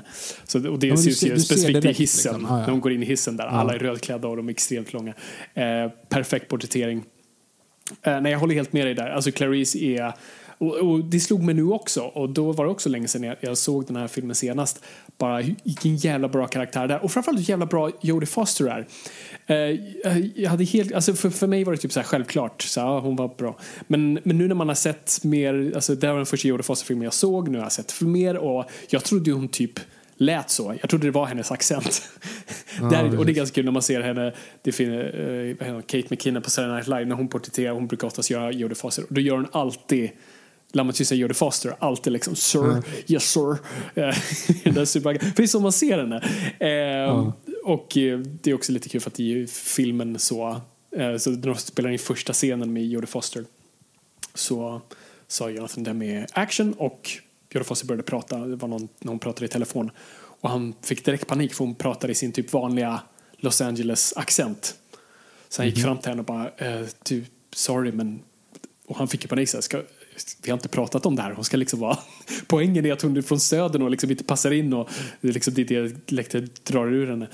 Eh, så mm. bara, sorry Jodie, men liksom det här med accenten, hur, hur tänker vi där? Och eh, han, det hon svarade och sa, jo men jag tänker att liksom Hannibal, Hannibal kommer liksom dra, jag försöker dölja det och Hannibal måste dra det ur mig. Och han bara, snyggt. jag gillar den idén, det är snyggt, men Problemet är att vi kommer inte riktigt fatta då. Vi måste förstå hennes utanförskap innan liksom han börjar. Så vi måste ändå, du kan liksom försöka dölja lite men, men det är liksom, vi, vi kan inte gå så hardcore. Uh. Men det är, ju, det är ju så. Alltså när du liksom, Hon tonar ner lite. På for... Ja, precis. Ja. Och det är det som är kul för att Hannibal hånar ju henne. Det hade jag aldrig heller tänkt på att han liksom uh, with nice clothes. Alltså när han, han börjar härma henne, hennes röst liksom. Och hon blir väldigt provocerad av det, vilket är väldigt roligt. Um, Nej, men det, det, det, oh, det finns, finns så mycket. Men fotot kan vi ju ta, eh, som du precis Tack eh, Fujimoto som var fotografen på den här. Det, det, det är sånt coolt foto också, som du säger, precis där med perspektiven eh, är asballt. Det är också coolt när, när man nästan alltid har Hannibal, han fyller ut hela skärmen. För nästan alltid på hans ansikte och när vi är på Clarice hon upp halva och det är väldigt bra maktdynamik hur de framas. Um, men det jag gillar också är att den är, du vet en av de coola grejerna med Jurassic Park är att den är väldigt tråkigt filmad. Den mm -hmm. har liksom, uh, den är inte färgkodad på något speciellt sätt, den är inte uh, Alltså det, den har ingen liksom, det ser ut nästan vara filmat utan något filter. Förstår vad jag menar?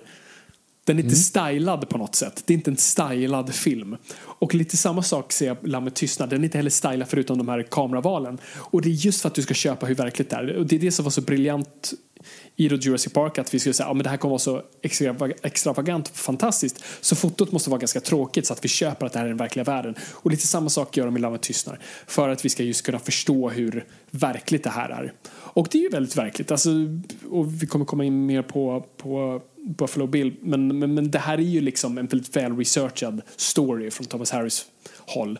Och eh, det är ju baserat på väldigt specifika saker. Så att eh, det är inte en sån extravagant film egentligen. Men det, var, det, det gällde verkligen att sälja den här filmen och det gör fotot så jävla väl. Också hur Clarice är klädd. Hon ser verkligen ut som en person från typ landet men som försöker dölja lite. Hon, hon klär sig typ äldre än hon faktiskt är. Hon har alltid typ samma kläder på sig så hon är inte heller superstylad. Eh, men väldigt tidsenlig. Men samtidigt, det känns inte super 80-taligt men, det, men den är av sin tid. Eh, en, frå en, fråga jag tänkte ställa dig Viktor. Är Lammet tystnad en mm. skräckfilm? Nej. det är en intressant Nej men det är ju en Beck-film. Alltså, mm. jag menar egentligen. Det är ju det som jag tycker nästan är så här, det fräckaste med hela det här. Det är ju att när, om du kollar på hade du gett Lammen tystnad en annan budget och ett svenskt manus, då hade det kunnat varit en Wallander. Mm. Alltså hypotetiskt, ja det är en massmördare liksom, som, som tar ut folk i lite så här halvt overkliga sätt för att det där skulle troligen inte kunna hända i Ystad. Liksom. Um, och så är det en polis som successivt kommer fram tills dess. Mm. Och så är det en, liksom, en, liksom en ganska snabb shootout. Men det är ju inte det som är grejen utan det är ju för att den är så snygg och välspelad. Och det är det som är poängen. Liksom. Mm. Jag skulle inte säga egentligen att den sitter i, alltså så här, storheten sitter inte i själva mordet. För egentligen tycker jag personligen att Buffalo Bill är egentligen ganska irrelevant. Alltså han är ju inte det finns ju ingenting i honom som liksom speglas i någonting. Nu börjar jag bli skadad för att jag har kollat för mycket Beck-filmer. Och att man måste liksom alltid leta efter någon form av så personlig grej. Mm. Alltså, vad är det egentligen? Varför passar Clarice ihop med Buffalo Bill? Om man säger så då. Varför, mm. varför är det just de här två?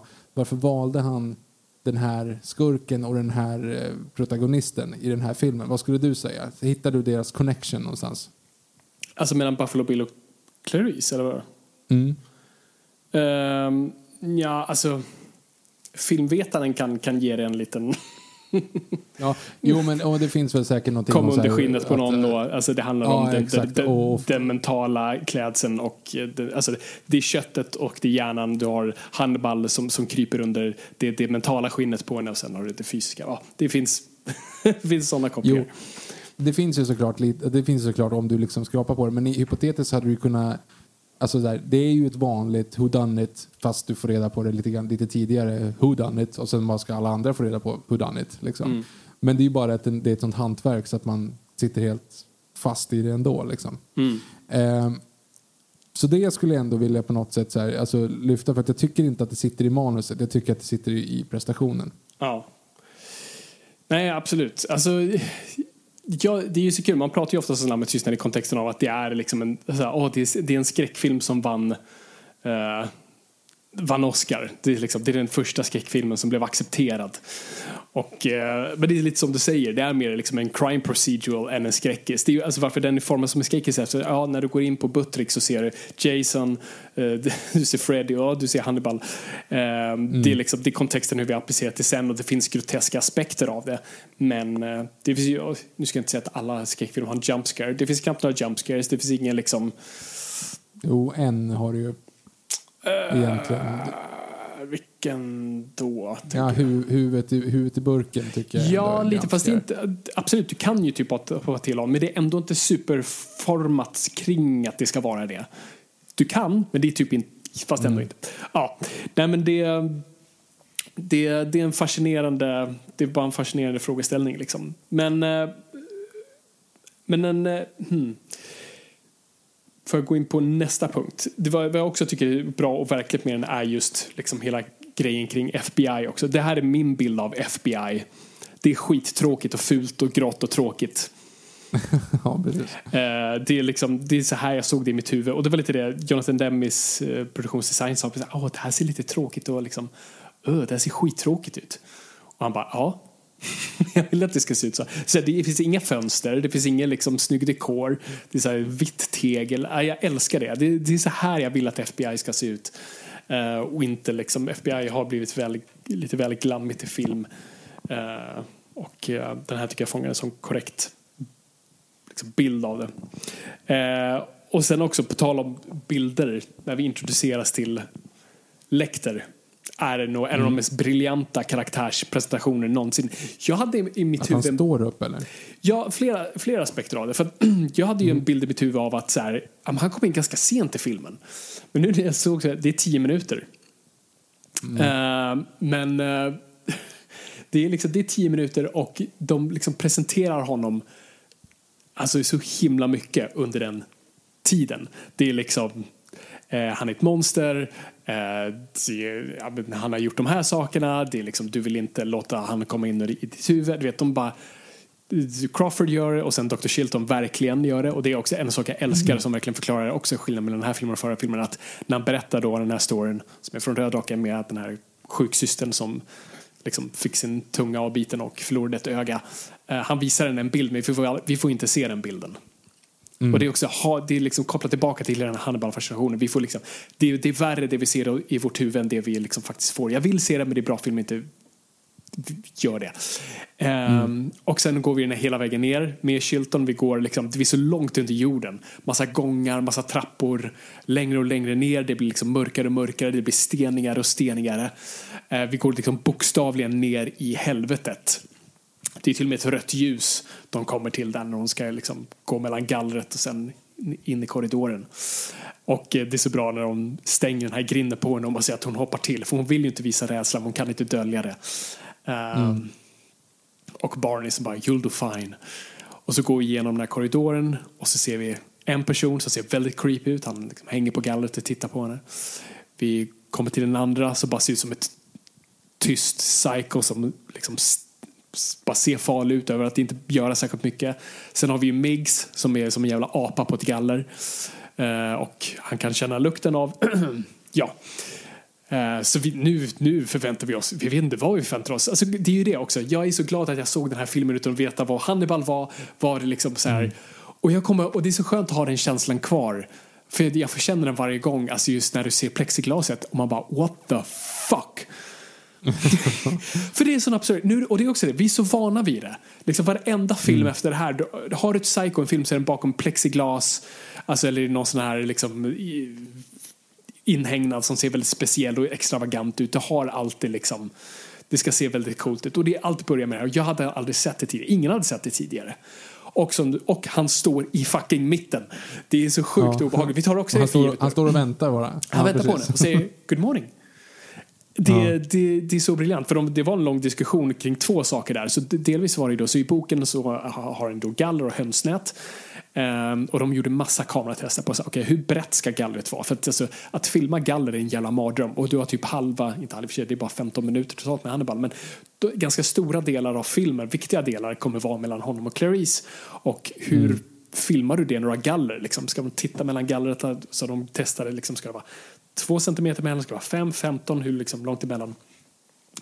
Och eh, produktionsdesignen till slut, efter hon hade varit liksom i en vanlig så här, spritbutik, noterade bara, just det, för i USA jag vet inte om det är kvar så, men på den tiden liksom, i, rån så hade man plexiglas mellan clerken och dig. Så det var plexiglas liksom, mm. när det handlade om alkohol. Och hon sa, hmm, det kan vi ju göra. Det är ju det är ju jättelätt kameramässigt. Då slipper vi liksom galler. Och de bara, fan vad smart. Men så var det en längst bak som bara, och då var stackars ljudkillen som bara, hur fan ska det där funka? så ah, just det. Och då sa ah, men just det, vi borrar bara hål. Han känner ju faktiskt lukten av henne så att vi, vi borrar några mm. hål och vi använder dem sen, i, vilket han gör då, uh, i syran. Mm. Liksom. Och uh, Alltså det, det, är så jävla smart. Och sen var det ju då också då Anthony Hopkins, de frågade, så Demi frågade så här, vad vill du vara? Vill du sitta ner? Vill du ligga i sängen? Vad vill du göra? För jag kommer ihåg i Röd drake så presenterat, då ligger han i sängen. För Will Graham vill typ överraska honom. Eh, jag kommer inte ihåg hur det här lilla med tystnar. Men uh, Hopkins säger, nej men jag vill, jag vill stå upp här. Så, varför då? Nej men jag, jag vet att de kommer. Jag känner, jag känner lukten av henne. Okej. Okay. och det är så det blir och det är ju ikoniskt på så vis. Men än en gång, vi, vi tar mm. det för jävla givet nu. För nu, varenda jävla superskurk är en vältalig gentleman. Det, det, jag vill verkligen trycka på det ännu en gång för att nu är det en sån jävla klyscha och jag tror det är därför vi kommer komma in på varför Hannibal-karaktären kanske inte är, liksom, finns i den allmänna konversationen längre. Och jag tror det är väldigt mycket därför, för att Hannibal Lecter är precis överallt. Jag tänker bara nu, du vet trailern till uh, No time to die. mm. Hur de rullar ut Blowfelt, det är typ Hannibal. Uh, mm. Lite samma grej, allting kommer därifrån. Och den här var först. Ja, men, och... ha, men Hans Landa är väl liksom essensen nerkokad i en ny version av det där liksom. Ja, gud, precis. Vältalig intellektuell psycho. Uh, det, definitivt. Så, och det är därför man måste verkligen förstå vilken jävla frenzy det blev kring den här filmen och framförallt Hannibal. Bara hur jävla sjuk den här karaktären, vi hade aldrig sett någonting sånt. Och eh, det fångade så bra i, i den scenen. Och det är det mm. jag menar också, just här, vi pratar väldigt mycket om apelsin-tv. Att du, du visar aldrig liksom i, i svensk tv har vi något som vi kallar uh, apelsin-tv pratar om en apelsin så visar du en apelsin. Alltså vi är dåliga på tv. Eh, och, Pellemeter. Vad sa du? Pellemeter. Ja, just det. Pellemeter-konceptet eller i mm. eh, produktions, eller inte i grafisk design. Du skriver mm. alla äpple och visar äpplet samtidigt. Du gör en av varje. Och det är det Hannibal gör. Hade Hannibal var som Miggs hade inte det varit intressant. Liksom ja, ett skrikande psycho som liksom eh, drar i gallerna. Utan du vill ha den här gentlemannen. Det är därför det funkar. Ja, ja hur som helst. Eh, alltså, ju, man minns ju också det som att det som jag sa nu, det är typ halva filmen med de två. Bara, nej, det är 15 minuter Hannibal. Eh, det var ju rekord och ingen, han vann ju Oscar för bästa manliga huvudroll vilket var intressant för att han är väl som bäst en biroll. Men uh, han fick huvudroll och det är ju den huvudrollen som då i alla fall hade fått minst screen time och uh, det är väldigt få, det är bara typ tre scener med dem. Tre, fyra. Uh, det är 15 minuter. Men det är, liksom, det är det vi ser i den här filmen. Och det, det är ju... Jag får mig att det är näst mest screen, minst screen time. Jag tror inte att det är rekordet. Nej, det, jag, det var, det, det mm. fanns en som var kvinnliga biroller eller huvudroll. Så det var en typ man, i manskategorin var det en. Som, ja, jag minns mm. inte den ja, exakt. Skitsamma. Ah, okay. Googla om ni är intresserade. Exakt. En sak som jag också slogs av att de har samma ögonfärg, vilket jag tycker är jävligt coolt. Han och Clarice har exakt samma ögon. Uh, jag vet inte varför, det bara, jag tyckte det var bara så coolt att så här, det, det, och det, jag tror på ett djuriskt plan alltså får oss att så här, jag vet inte, det var någonting där jag kände kopplingen mellan dem. Vi hade exakt samma kalla blåa ögonfärg. I boken har ju för övrigt, det kan vi också dra upp, alltså, därför jag tror filmerna funkade lite bättre där. För i boken så är Hannibal beskriven som, han är dels kort, han har sex fingrar på ena handen och har röda ögon. Så han ser väldigt liksom det är den här klassiska liksom, disfigured också som Bondskurken att du ska se ful ut för du är mm. ful inombords. Och det tar de bort här, vilket jag tycker är bra. Den gången har de här kontrasterna. Ingen, ingen apelsin-tv utan du har liksom kontrasten. Mm. Um, Buffalo Bill då? Ja, vi kan, vi kan komma in på Buffalo. Buffalo Bill är väldigt intressant av, av flera anledningar. För att, eh, det kan vi ta upp här. För att den här filmen fick ju, den var ju väldigt hyllad. Men, men en, en stor kritik den fick, och det här är, tänker man så oj shit, redan då. för det är ju kritik som kommer väldigt frekvent nu. Eh, och det var ju kring eh, personifieringen av Jim Gumb, Buffalo Bill, som eh, homosexuell eller trans. Mm att det var en felporträttering. Eh, eh, en, en väldigt eh, nedvärderande porträttering och någonting som fick väldigt stor uppmärksamhet och det var demonstrationer på premiären och på Oscarsgalan från LBT, LBTQ-communityn som kände bara fuck you Hollywood som ännu en gång gör en seriemördare till en transa som mördar kvinnor. Tack för den. Um, och det är en intressant grej, men som jag ändå skulle avfärda. Så här, kritiken är korrekt i form av Hollywood har inte varit schysst och det här var bara ännu en gång i högen av yep. folk som kan definieras som trans som är onda. Så att jag, jag ska inte ta bort från deras uh, sorg, oro och kritik. Jag skulle dock säga, så i mängden av allt annat så absolut så är inte det här superschysst. Men Eh, vad jag ändå tycker filmen gör bra är att två gånger säger de specifikt att han inte är varken transvestit, eh, Eh, transsexuell eller, transvestit. Eh, Hannibal säger det att liksom, han vill vara, men han är inte det. Han bara försöker, han vill liksom vara något annat. Eh, och jag tror Clarice säger också någonting annat senare med Crawford. Så de, de trycker faktiskt på den punkten. Och Levin som, som spelade Uh, James Gump sa också så här, jag spelade inte honom som homosexuell eller som trans. Det var inte min intention. Um, och uh, jag tycker inte heller, alltså det man måste komma ihåg är att, jag nu seriemördar Fabian här, uh, eller profiling Fabian, han är ju väldigt specifikt baserad på, på några personer. Liksom. Och de, de, två han är specifikt baserad på är Ted Bundy och Ed Gein. du har mm. Ted Bundy i formen av att Ted Bundy var då den här seriemördaren som var väldigt snygg, eh, såg väldigt normal ut, kunde väldigt, på så vis väldigt lätt lura till sig liksom, offer. Uh, och han mördade väldigt många kvinnor. Och, och den grejen de har tagit specifikt från Ted Bundy är ju Ted Bundy kunde ibland då låtsas vara skadad och ha liksom, gips runt och ba, bad folk hjälpa honom lasta in saker i hans bil. Det gör ju Buffalo Bill. Det, det är en direkt liksom, copy på det. Mm. Och eh, sen har du ju då Ed Gein då som flodde sin mamma och andra kvinnor från eh, kyrkogården och eh, klädde sig i deras skinn och annat bland annat. Så att det här är saker som har förekommit. Så här är inget om, eh, onormalt. Jo, det är, det är abnormalt. Men det är väldigt onormalt Fabian. Vi alla gör det här. True, jag tycker att du kollar lite väl mycket true crime nu. nu bara så, så det är väl ingen grej. oh, shit. Tack att du... Det är därför vi, vi behöver vara två i den här podden, Viktor. Det är bra att vi fastnar i mitt eget huvud. Men Nej, men så, det här är, liksom, det är baserat på en, alltså, så Thomas Harris hade byggt upp liksom en, en psykologisk profil baserat på liksom ett x antal eh, seriemördare. Eh, och eh, seriemördare bygger ofta på en profil av att ha komplicerad relation till sina mödrar och tar ut det på kvinnor. Och ja, det, det är därav de liksom använder den här specifika grejen. Och jag förstår att det må framstå som problematiskt. Jag tycker det funkar, för jag tycker inte filmen menar att göra det, men jag förstår absolut att folk kände så. Eh, jag tycker det är en bra porträttering i, i övrigt. Eh, jag tycker den är korrekt med den psykologiska profil de har konstruerat. Eh, jag tycker Levin gör ett väldigt bra jobb med det. Jag tycker, jag, jag på något sätt köper honom på ett sätt. Jag tycker han är så ofantligt komplex. Jag älskar den här detaljen. Det finns den här grejen då, då, då hon har fångat Precious i brunnen där och han letar efter sitt vapen och han tar den från sin säng som har hakkors på, liksom inbroderat. Ja, ja, jag såg det. Han är nazist Och det är så här, så här what? Mm. Alltså, och det är så här, det är ingenting som nämns, det är ingenting som sägs, det är ingenting som så här, uttryckligen att han är någon nynazist eller vit maktmänniska, utan det är bara en detalj där i hörnet. Att det finns liksom... men, det är inte bara, men det är inte bara där. Det finns, om du kollar, för jag tänkte på det också, men du kollar ganska, det finns ganska mycket affischer också. Runt ja. om i liksom hans lägenhet så är det såna här Eh, alltså är i vit makt-propaganda liksom upprintat. Precis. Och jag älskar den detaljen. För det ger också, han är liksom han är inte binär på så vis utan det finns flera aspekter av honom. Han är depriverad på så många andra sätt. Eh, och jag, jag, jag gillar det. Jag gillar att han ja, men Jag gillar att det finns mera, mer saker till honom.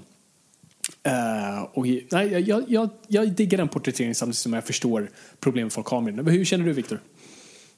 Nej, men jag, alltså... Eh, jo, men alltså, det, han gör det bra. Det är ingen snack om saken så. Men jag har blivit bäckskadad i den här grejen. Ja, det är en mordstory. Alltså så här, seriemördare intresserar mig inte. Och eftersom jag inte, du har ju läst på mer än vad jag har gjort så jag är liksom inte införstådd med det här. Det är bara, ja ah, det är ett psycho. Alltså jag, jag, är ganska ointresserad av den personen. Eh, mm. Vilket vi kommer komma in på mer i andra filmer vi kommer prata om idag. Men alltså så här, seriemördare, seriemördare är ointressanta för mig. Det, blir liksom, det är apart och det är inte riktigt så här, jag, jag, är inte där riktigt. Så jag, jag bryr mig inte om honom i, i grejen utan jag bryr mig snarare om liksom, vad ska man säga, om, om, om case, om fallet. Alltså, mm. Så jag, han, han är liksom, ja men han, det, just, det var han som klädde ut sig till kvinna, typ. Det är det man kommer ihåg. Det är han som är den som flår, alltså man kommer ihåg tropesen men man kommer inte ihåg honom egentligen. Mm. Alltså jag menar det hade kunnat varit, och det är det ju också om man, om man jämför Röd Drake och den här. Som Röd Drake är en, en, en agent som eh, letar efter en mördare som har någonting, ja men något fel, vad säger, och använder sig av Hannibal. Lecter för att, att profilera den personen och fånga den. Det är ju samma story. Alltså Ja. det är ju samma grej. Så att hypotetiskt hade det varit, hade det varit Clarice i båda filmerna, då hade det ju varit en grej. Alltså då hade det ju varit Beck. Alltså så här, i det här avsnittet Ja, det. så är det en annan mördare och det är samma sak. Efter tio minuter ska man träffa Hannibal Lecter och så ska man lära sig hur, hur det går till. Och sen, så- det blir liksom en buddy cop-serie. Som typ Hannibal-serien som kom sen. Jag har inte sett den, men det blir som en buddy cop-serie liksom så här. Starling and Friend. Starring Jodie Foster och Anthony Hopkins. Ja, så, ja. What adventures might they meet next time? Ah, jo, Ja, exakt. Nej, men jag, jag köper det du säger där lite, just för som du säger, det är samma story, det är lite, liksom, det är lite skitsamma vem veckans skurkar. Jag köper det på ett plan, på ett plan håller, eller det är inte att jag inte håller med, jag, jag ser det nog på ett annat sätt, just som det jag sa tidigare. Det finns, det finns en mer eh, metaforisk komponent till eh, Buffalo Bill just med skinn och kvinnor. Alltså, och just som Jodie Foster sa, det här är en story om en kvinna som försöker rädda en annan kvinna. Och eh, som sagt, det, mentala skinnet och det, och det fysiska skinnet. Eh, jag tycker det finns där, men jag, jag köper det du säger i form av just att så här, egentligen inte han fokuset. Han är, inte egentligen, han, är, han är huvudskurken, men han är egentligen inte huvudskurken. För att han är egentligen inte en antagonist gentemot Clarice. Nej, Utan det är precis. egentligen, om du kollar på ett rent dramaturgiskt plan, alltså, hindret för din protagonist ska ju vara antagonisten och, och i det fallet är ju det Hannibal Lecter. Hannibal Lecter sitter ju på mer info än vad han väljer att ge och han köpslår med henne för att, för att du ska få de här informationerna så köpslår vi eh, pro quo Gandalf. Quo pro quo? Nej, vad fan är det? Quid Quid pro quo. Tack. Quid pro quo. Quid pro quo. Ja. What the Frenchmen call I do not know French. Också en annan franchise som har liksom tagit från Hannibal. Eh, eller spoofar Hannibal. Ehm, nej men så, så Hannibal är ju den uppenbara antagonisten och mer så än i Röd drake. Så jag, jag köper det verkligen. Men jag tycker Jem Gum är en bättre antagonist, eller antagonist, jag tycker han är en bättre profil än eh, Dollaride, för att, eller Tooth Fairy, för att eh, jag tycker den här profilen är bättre liksom, psykologiskt förståbar och mer Men, men båda är ju samma ju. Ja, båda har komplexa relation till sin mamma. Mördar, nej men, ja, och båda mördar för att genomgå en transformation. En för att bli ett annat kön och en för att bli en drake. Ja. Eh, att den andra alltså- faktiskt använder en bit av deras offer. den andra bara mördar dem. Ja, jo, förvisso, men han, han gör ju det för att också genomgå transformationen. Nej, absolut. Nej, det är definitivt genom, som sagt, som vi sa i början, just att här, Lammet Tystnad är egentligen en bättre remake på Röd Drake. Där han bara säger, jag Ja, vill absolut. förfina det här lite mer.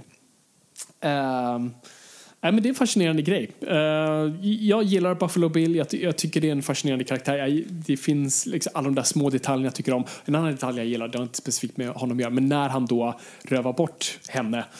Uh, bara det är så sjukt obehagligt. Ehm, och just när man vet att Ted Bundy gjorde typ samma sak. När han slår ner henne där då. Han säger liksom What size do you wear? Oj, nu var det typ Sean Connery. Eh, what size do you wear? Nej, jag kan inte göra honom. Ehm, och vi ser att han öppnar upp hennes liksom, klädsel och ser hennes rygg. Hon andas fortfarande och så här gnyr. Vilket är typ en av de mest obehagligaste detaljerna jag, jag inte eh, minns. Eh, det, det var så sjukt störande och obehagligt. Förstår du vad jag menar? Man hör henne andas och så här, hon gnyr eh, medan han då liksom tar på henne där. Och så här, Du menar att han, "Bra, han, är- han är perfect." så... Jaha, du menar att han är så pass liksom eager att se? Nej, att han att liksom hon... inte riktigt får henne att bli medvetslös, eller vad menar du? Åt det hållet. Alltså att hon, det, är för, det var för verkligt om man säger så. Det är så jag, Mm, ja. jag har aldrig slagit ner någon i, bak, i bakluckan på en van. Men om jag skulle. eh, nej, men jag kan tänka mig att det är så en person. Eh. jag kan tänka mig att det är så en person låter. Alltså förstår vad jag menar? Att när en person blir liksom Mm. eh, blir medvetslös. Även om du har sett klipp på för folk det trillar slår eller folk som slåss. Det blir inte den här, eller ibland blir det bara total blackout. Men ibland finns det också komponenter som fortfarande funkar. Och då ser det så här, ah, Jag tänker på en... Mm. Tänker på en, hon nys, en nyhetsankaret som trampar vin och ramlar Ja, just det. Så framåt. här, au, precis. Det är så sjukt Mm. obehagligt för du tänker just där, du känner smärtan och du vet inte om hon är 100% typ kvar och du vet inte vilka skador som må liksom ha kommit. Så att, och det är lite samma sak jag ser där. Att så här, åh gud, åh, det här är för, det här är för verkligt, det här är för obehagligt. Jag vet inte, jag hat, älskar den detaljen. Uh, än en gång, gör filmen bara mer, mer verklig. Uh, Men filmen är verklig, filmen är bra, filmen vinner massa Oscars och blir en hit. Då måste man göra en uppföljare, eller? Yes, jag, vill bara, jag kom på en till detalj jag älskar, sen ska vi gå vidare. Jag älskar eh, grejen då, så efter Clarice har varit där första gången och Miggs eh, kastar sina grejer på Clarice eh, så får vi ju reda på sen att Miggs är död. Mm. Och hon frågar hur då? Att, nej, men de hörde Dr. Lecter prata med honom hela natten och eh, morgonen efter hade han svalt sin egen tunga. Ja, han pratade ihjäl ja. på något vänster. Liksom. Ja. Älskar det. Och vi fick inte se det. Vi förstår inte, vänta, hur, nummer ett, kan jag svälja min egen tuba? Och hur övertalar du någon att göra det? Och särskilt ett sånt psycho. Mm. Ja, det, det är typ min favoritgrej i hela filmen. Också bara tala för eh, Lecter hur jävla obehaglig han är. Mm. Uh, så ja, det var min sista. Yes, nästa film, Hannibal. Ja, så den här blir en superhit och eh, det blir ju såklart liksom det här är ju liksom det största en av de största filmerna någonsin. Och framförallt R-rated. Det här är ju på den tiden R-rated filmer var liksom, blir inte så stora. Eh, men nu har vi kommit en liten karaktär tillbaka här. För att eh, Orion Pictures och MGM äger inte Hannibal-rättigheterna. De äger När lammen tystnar och karaktärerna som originates där. Så de har rättigheterna till Clarice och Clarice. och Buffalo Bill. och båda de två är döda. Eh, men någon annan sitter på de här rättigheterna. Och det är er favoritproducent Dino De Laurentiis. Så uh, han uh, känner doften av pengar och om det är någonting Dino De Laurentiis älskar så är det pengar. Så han vill ju väldigt gärna göra en uppföljare uh, på den här filmen. Han är ändå tillräckligt respektfull att vara på, att inte bara göra någonting ur tomma intet utan han är på Thomas Harris att skriva en till bok. Så han typ ringer honom hela tiden och bara Thomas, Thomas, could you write another book? Please, please write me another book. Och Thomas Harris bara chilla. Um, och han bara fortsätter trakassera Thomas Harris att skriva en ny bok. Och uh, fortsätter, fortsätter, ingenting, ingenting händer. Men sen ringer Thomas Harris bara en dag och säger den är klar. Och de bara what? Oh shit, han har skrivit en ny bok.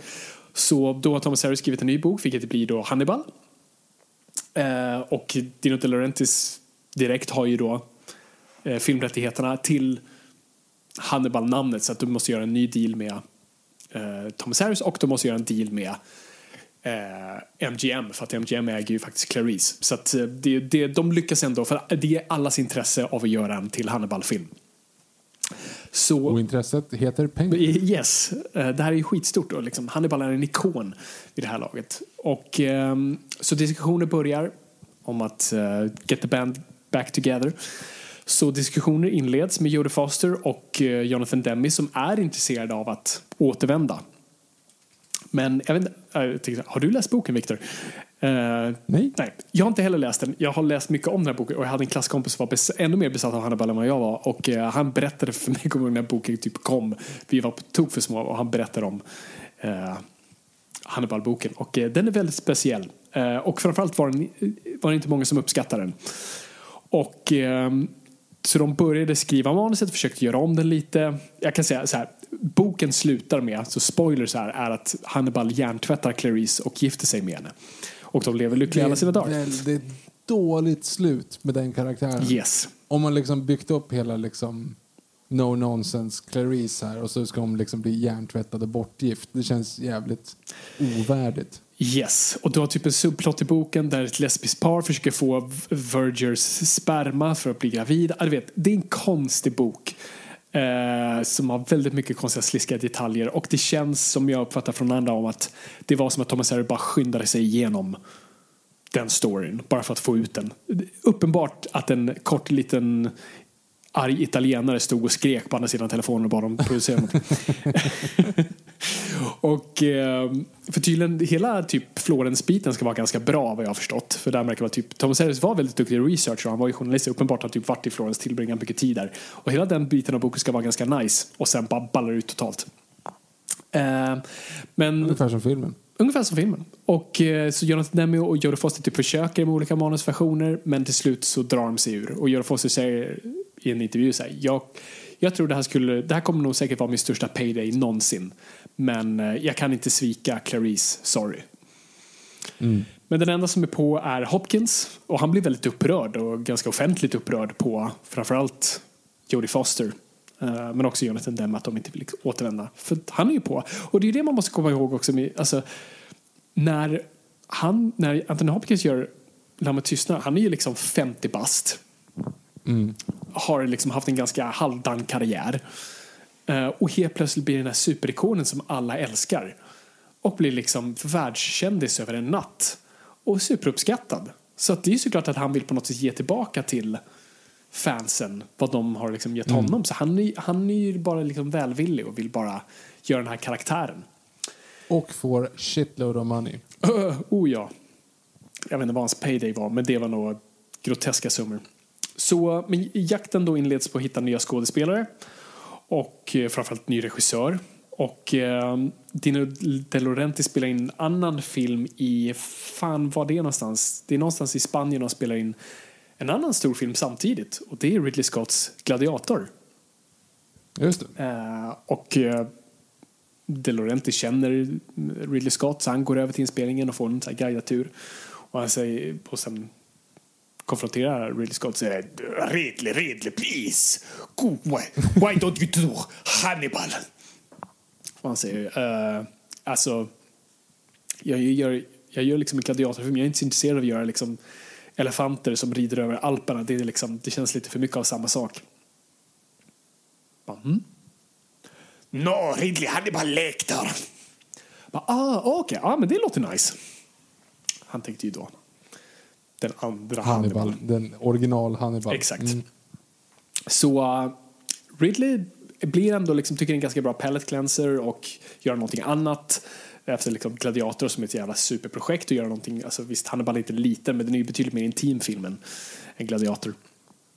Så han tackar ja och när Ridley Scott är på då typ hakar alla andra på för det var väldigt mycket skeptism kring alltså både boken och att liksom göra en uppföljare och, men Ridley Scott bara gav en slags stämpel of approval för resten.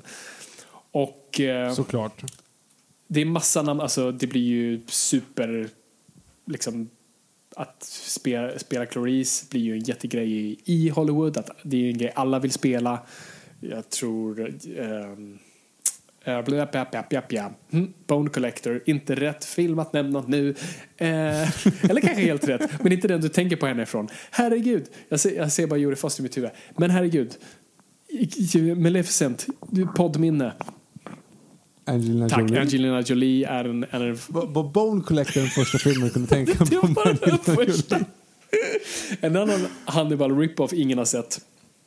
Eller ja, med tystnad var intressant. Mm. Jag hade ändå så här, det finns ju väldigt många hon är, alltså så här, hade, hade du sagt hon är känd från, Ja. då skulle du kunna rabbla upp typ fem filmer som man verkligen säger, ja det stämmer. Hon är känd från Tomb Raider, ja men det är hon. Hon är känd från Mr. and Mrs. Smith, ja men det är hon.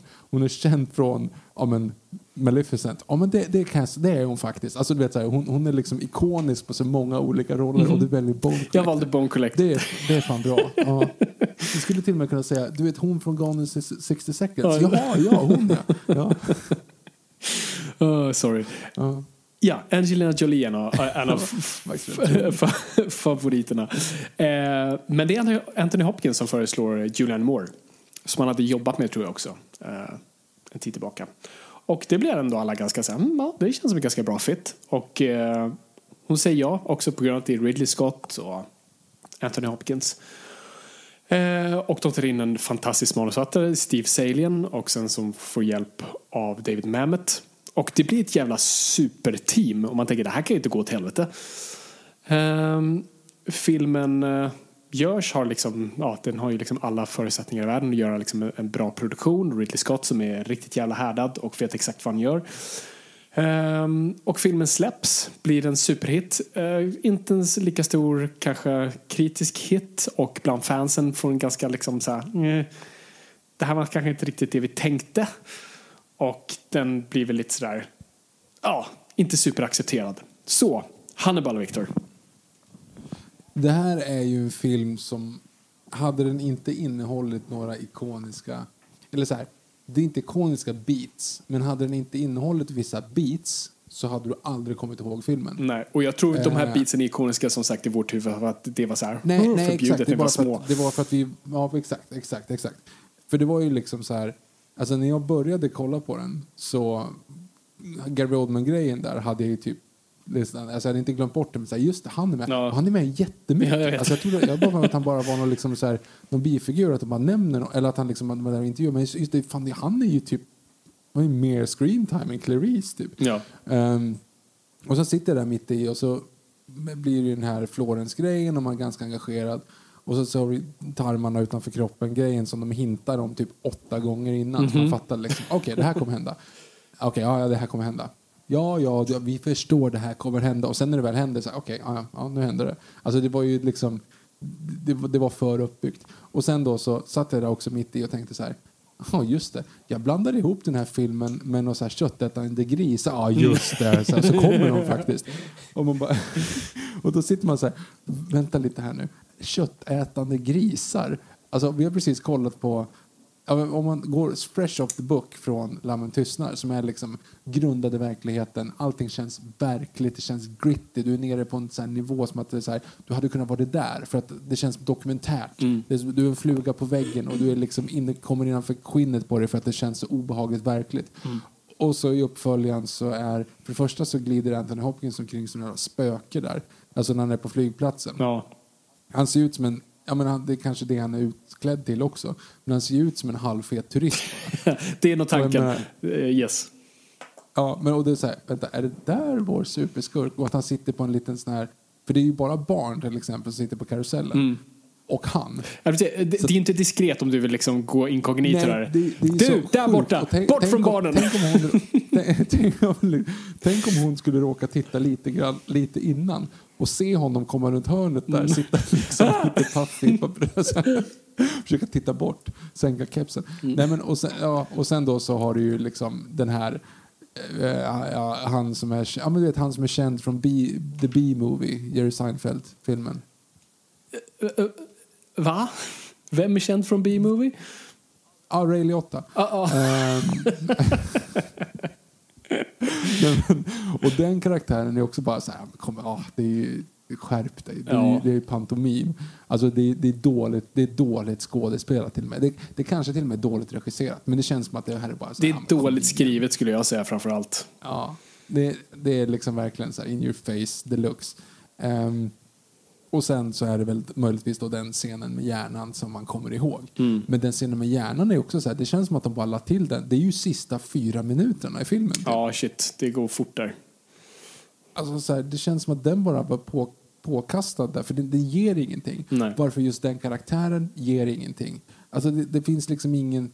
Det känns som att det är fyra filmer. Alltså, det var väl ett del treatments som man förstått. I och med att de höll på och skrev lite olika versioner och Judy Foster tyck till, tyckte till Mm. och Anthony Hopkins tyckte till och sen så tyckte alla till och sen så hoppade några av och då var det fortfarande några grejer kvar och några inte Mm. liksom. Och den är ju baserad på en bok, en bok som uppenbarligen också följer de här liksom Florence-grejerna. Mhm. Men som du har sagt många gånger tidigare, det är svårt att adoptera böcker. Oh, ja. Du kan inte adoptera en bok rakt av till en film för böcker är sin eget medie. Liksom. Mhm. Du kan hoppa i tiden, du kan ha liksom, du, du behöver inte följa någon form av dramaturgisk grej utan det Nej. kan vara liksom halva grejen är i Florens och sen helt plötsligt händer någonting annat.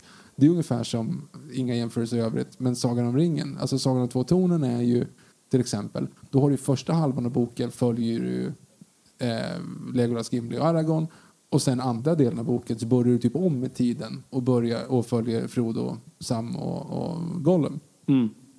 Den grejen gör de ju här också, fast det är samma karaktärer. Konstig jämförelse. Men du korsklipper i filmerna, men du gör ju inte det i boken. Nej. Och här är det som att en hel story, alltså från tills han hänger där med, med liksom tarmarna, på, tarmarna på utsidan. Alltså när det är slut, då börjar ju en ny film. Mm.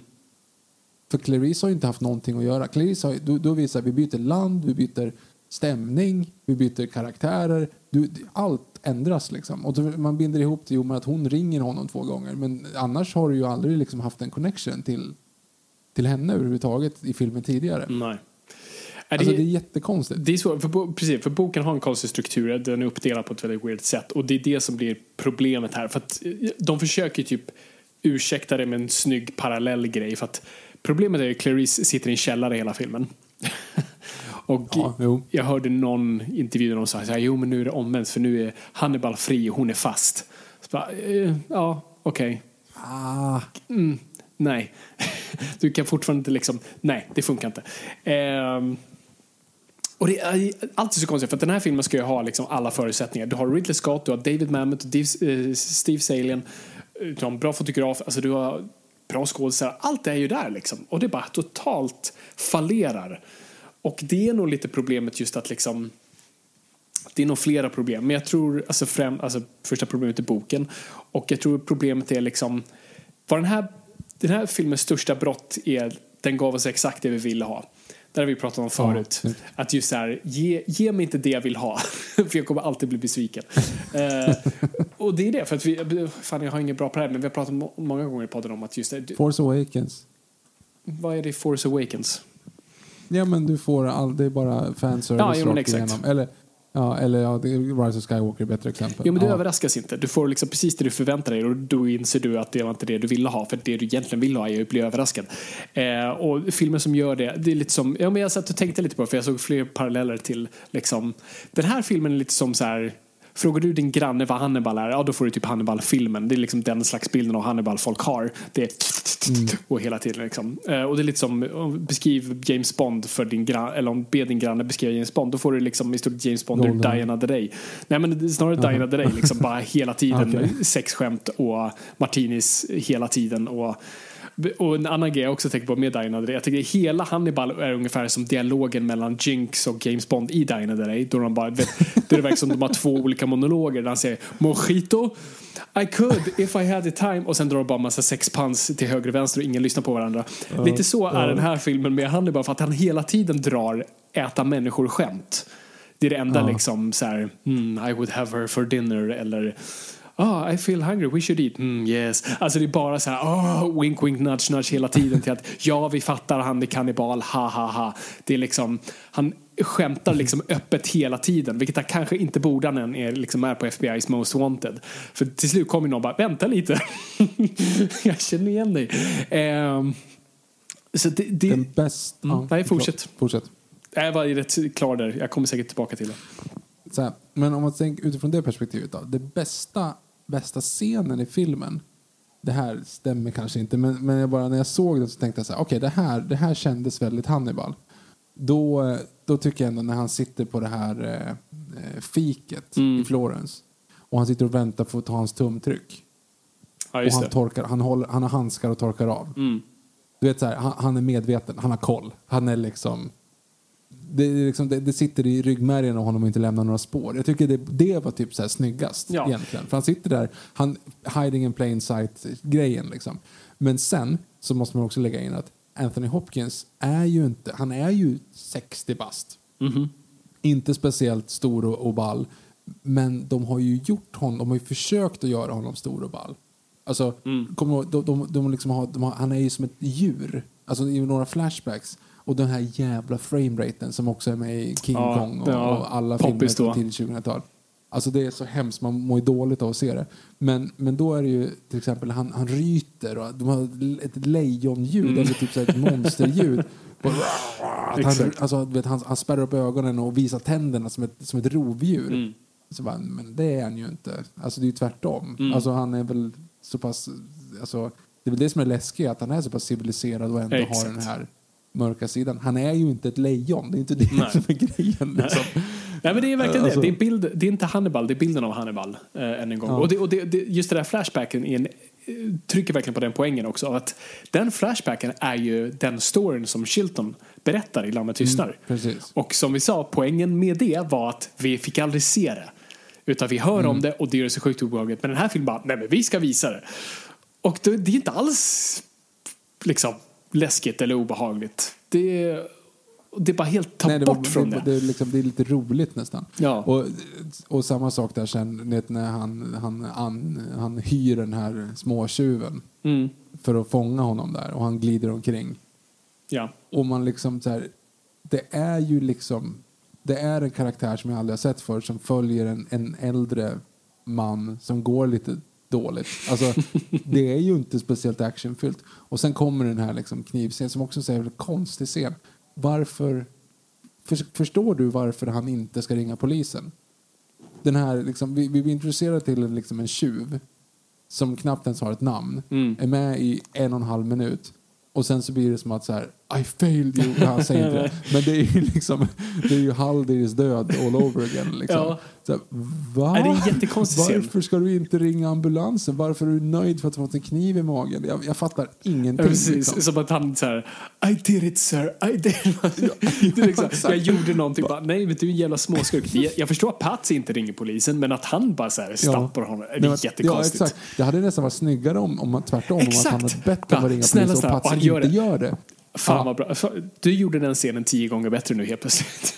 För nu, för nu är det så här, liksom, ungefär som att mitt liv är komplett. I'm, letting- I'm leaving you now.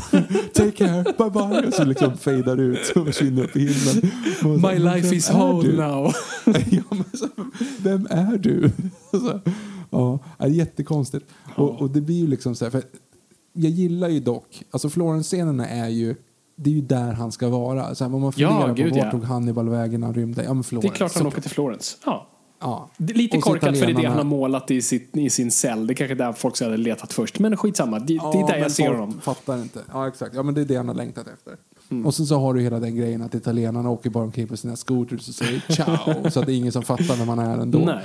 Eh, Nej, men det är he- helt rätt. Jag- Ett Eddie Izzard-skämt. Jag, jag, jag älskar det och jag tycker det liksom är... Nej men, och, och Florens är en väldigt bra plats. Jag har varit i Florens, det finns just den här... Det, finns, det är precis som Hannibal, det har det här vackra yttret och det finns något rutt, ruttet inre och något läskigt, alltså hela Dante-aspekten och det finns någonting liksom läskigare där. Passar Hannibal perfekt. Och som du säger, alltså, jag gillar de bilderna. Och Hannibal går omkring där. På, det är för sig, alltså, har man varit i Florens, det är lite som att så här, han går från slottet till stadshuset, från stadshuset till Globen, från Globen till... Alltså, han är på the best of-platserna. Det är bara det så här, nej, där kan du inte ha en, liksom, du har inte en brevlåda precis utanför slottet. Ehm, skitsamma, men det, det, det är Ridley Scott, det är det du betalar för. Ehm, Ja, det, ja, det är ändå kul. Ja, precis att han som ska vara lite suav och, Mm. och dricka vin på de fina ställena. Motsvarigheten är liksom Stockholm ska sätta upp den här turistkoppen på Drottninggatan. Liksom. Exakt. Vik, säljer vikingahjälmar och såna här tallrikar som står Sverige på. Ja. Precis, det är ungefär det där. Men eh, ja, nej, men, eh, eh, det, det är en jättekonstig film. Det är också det, det som du var inne på. Det som var så bra med Lammet tystnad var eh, the female gaze på the male gaze. Alltså att vi har the male gaze utifrån ett kvinnligt perspektiv. Vi ser hur männen tittar på Clarice hela tiden, studerar henne, eh, liksom kollar antingen nedvärderande eller suktande efter henne och vi, vi får helt plötsligt sitta i liksom, den här kvinnans skor och se hur hon upplever världen. Här är det ju omvänt. De försöker nå samma poäng men det blir helt fel. Och det, den bästa exemplet är det som du beskriver när eh, Mr B-movie Ray Liotta tittar på liksom Clarice lår och det är så här, men åh, alltså det blir så, så här, ja, jag ser att du gör, men nej, ty- tyvärr, det är inte din, det blir fel, det där funkar inte. Nej, men det är som att de står med en megafon och säger Kolla vad subtila vi är. Honk, honk. Eh, nej, det, det, det funkar inte alls. Och, eh, och jag köper ju inte alls varför Hannibal är såhär I've been in hibernation, it's time for me to come out of retirement. Bara, Nej, det, Hannibal skulle absolut inte göra det. Han vill absolut inte Nope. dra uppmärksamhet till sig. Han vill leva ett normalt, eller ett normalt, han vill leva liksom gömd och leva sitt liv som han alltid har gjort. Liksom, han skulle döda Patsy och sen dra till nästa europeiska stad. Bara, oh, fuck it, uh, my cover is Ja, blown här. Nu drar åkt, jag. Åkt till Prag Ja, och sen så har exakt. han startat om ett liv om tre år. Ja, ja, Precis, det är det han hade gjort. Han liksom så här, nu ska jag till USA och nu träffa dig, Clarice. Bara, mm. och sen har, som sagt, sen har du hela var, eh, liksom, eh, eh, Gary Oldman subplotten som också är bara, jaha. Och också, jag gillar typ idén med det. Jag gillar att det finns typ så en, eh, ett överlevande offer. Det här är ett offer de nämner till och med i Röd drake. För så här, de säger att det fanns typ åtta offer av Hannibal som de känner till, varav två överlevde. Den ena i respirator, den andra på eh, liksom, sinnessjukhuset. Och eh, här har du ju då Verger som är Båda- eh, satt i respiratorn. Ja. Eh, och jag gillar, alltså sminket är ju helt sjukt och fantastiskt. Och älskar hur obehagligt det ser ut och det ser för verkligt ut. Och det är roligt att det liksom, de försökte gå verkligare men det blev fel och det är det här jag älskar med film att så här, du, måste, du kan inte ta verkligheten, du måste ta bilden av verkligheten. Och de till slut kollade på foster och sånt där och det, de liksom använde snarare det som en måttpunkt snarare än liksom hur det faktiskt skulle se ut. Eh, gillar den designen. Jag gillar aspekten av att säga, ja men det är väl klart kanske inte liksom gammal Hannibal-offer skulle med mycket pengar försöka leta efter honom. Så jag gillar idén med det. Jag gillar inte hur de utför det och det funkar inte alls. Eh, men jag gillar det. Men varför köttätande grisar? Var, alltså, vem, vad hade de rökt på den Ja, det, den är faktiskt rätt konstig. För att, så här, skulle du, varför inte bara... Hade du verkligen velat... Och alltså, ah, ah, den karaktären är ett psycho, och ännu mer så i boken. Alltså, han, är, han är pedofil, eh, han, han typ bjuder in familjer och bo, så här, fattiga familjer bor i hans hus. Han kan utnyttja alltså det. Det är en sjuk karaktär, så det, det hade inte varit helt outlandish för honom att faktiskt få dit Lecter och sen försöka typ äta honom som hämnd. Alltså du behöver inte ha grisarna för det. Eh, men tydligen har vi grisar. Ja, men vad fan, köp ett lejon eller något sånt där. Har du sett Tiger King? Det finns så mycket lejon och tigrar som helst. Eller hur? Och så enklare att träna grisar och äta. Alltså det blir så här. Ja, det, det är jättekonstigt. Kodar de på skrik så ska de då äta. Nej, nej, mm. ja. ja, det är weird grej. Men så jag, också, jag, gillar tank, jag gillar tanken med många saker i den här och jag gillar ytan av vissa saker. Men, men genomförandet är blir bara fel. Och så hela den här hjärn, när man kommer till hjärnsekvensen som jag ändå såg fram emot bak så föll det platt. För det kommer, det liksom, visst det ser coolt ut och tekniskt sett bra och jag gillar att han, han, vi får inte säga han är bara lagar mat men nej det, det bara funkar inte. Mm. Uh, och dynamiken med Clarice. Nej, hela, filmen faller platt för mig. Vilket är så himla synd för alla komponenter fanns där. Och det är så synd. Att för det, ja, det är sen den här vägen den karaktären går tills vi kommer till det, äh, tv-serien. Men det känns som det är det här, liksom, det är det här Hannibal blev på grund av den här filmen. Men ja, ja. Den drog in en jävla massa pengar i alla fall. Uh, men Anthony Hopkins är inte riktigt nöjd. Så han skriver sitt egna manus som han föreslår. Som ska typ vara liksom som slutet på Hannibal-storyn. Mm -hmm. uh, men alla säger bara mm, kul, kul, Hopkins, jag, jag, läser den sen. Um, jag sätter den här på kylen. Mm, precis. Men nu är Dino De Laurentiis ju väldigt smart här för han inser ju att han har ju faktiskt rättigheterna till en annan eh, Thomas Harris bok som han redan har filmatiserat men det gick åt helvete så att, men varför inte bara göra om det fast nu i Anthony Hopkins universumet och det är ju Röd drake. Mm. Problemet är ju lite bara att uh, Anthony Hopkins är ganska gammal nu och den ska utspela sig åtta år innan Lammet tystnar, men ah, ja. Ehm, så de bestämmer sig för att göra den, det känns ganska uppenbart. De har rättigheterna, det är liksom, du kan göra det, det finns en helt ny. Och framförallt är det lite så här, ah, men då kan vi gå tillbaka lite till känslan till Lammet tystnar, för det är egentligen samma story. Du har Hannibal bakom galler och vi kan göra samma sak igen, men du har den lilla nya komponenten att oh, vi får träffa personen som faktiskt fångade Lecter. Eh, och nu tar de tillbaka Ted Talley som skrev manuset till Lammet tystnar för att skriva det här manuset. Uh, och anställer av någon konstig anledning Brett Ratner som regissör. Ja, den är weird alltså. Han hade mm. lite samma i profil som Jonathan Demme, så jag tror de tänkte att de anställde typ en till Jonathan Demme, för han hade ju gjort alla de här Rush Hour-filmerna. Men snubben mm. var typ knappt 30 och väldigt oerfaren, gjort mycket musikvideos och eh, jag säger Rage, jag gillar inte Brett Ratner. Han rök nu metoo-grejen och tack gode för det. Nummer ett verkar han vara en vidrig människa. Nummer två, ganska dålig regissör. Nummer tre, vi ska komma in på det bästa jag någonsin hittat. Men först ska vi prata om filmen Röd drake, Viktor. Röd drake, ja alltså så här. I min värld, när jag såg den första gången, så tyckte jag att den här var helt fantastisk. Mm -hmm. Alltså, jag, jag minns det verkligen som att det, det här är liksom i början på jag vill säga Fabians cineastår. men, men, men alltså det är även samma sak för mig. För jag menar, när man är så här 13-14 och ser en sån här film och den är lite bra och lite liksom edgy, då tycker man automatiskt att den är bra. För att man har, mm. alltså, eh, och det var en sån film för mig, för den kändes verkligen ja, den, den, den kändes välgjord, välspelad och lite läskig och man liksom ändå kunde se den. Ja, konstigt svar, men, men jag, jag, den tilltalade mig då i alla fall. Mm, nej, samma här. Eh, såg om den nu och tänker ja, alltså, jag hade ju precis sett clusterfucket Hannibal så jag tänkte ändå så här, ja, men den här är i alla fall straight forward och den, den spelar safe jämförelsevis. Um, och det jag ändå skulle vilja säga på något sätt är att as far as seriemördarporträtteringar går så föredrar jag det här kontra mm. Buffalo Bill. Okay. Att du på något sätt ändå så här, okej, okay, men jag, jag fattar varför. Alltså det är ändå så här, då blir det åtminstone någon form av dynamik slash spänning i det hela. Utan det är inte bara ett psycho som är ute och mördar. Utan det är åtminstone, det finns någonting där. Ehm, För att han ger sig på Men- familj, alltså på Will specifikt liksom. Ja, nej, just att du har också, ja dels det, eh, för att det ändå finns liksom en, emotionell connection. Och det är det som kanske möjligtvis gör att det inte lå- det känns inte som en Beck-film. som, som sagt, Beck har förstört det här. Eh, nej men, och, och det är även som jag också skulle säga, det är ju att du har eh, eh, backstoryn. Du har ju ändå lite backstory på honom och att Will kan använda det sen i den här liksom, att han citerar ju hans farmor till exempel.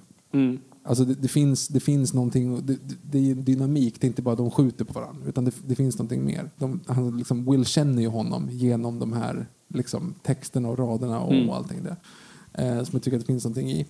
Ehm, och sen måste också bara säga, jag som inte är så true, crime utan bara kollar Parks and Recreation eh, om dagarna.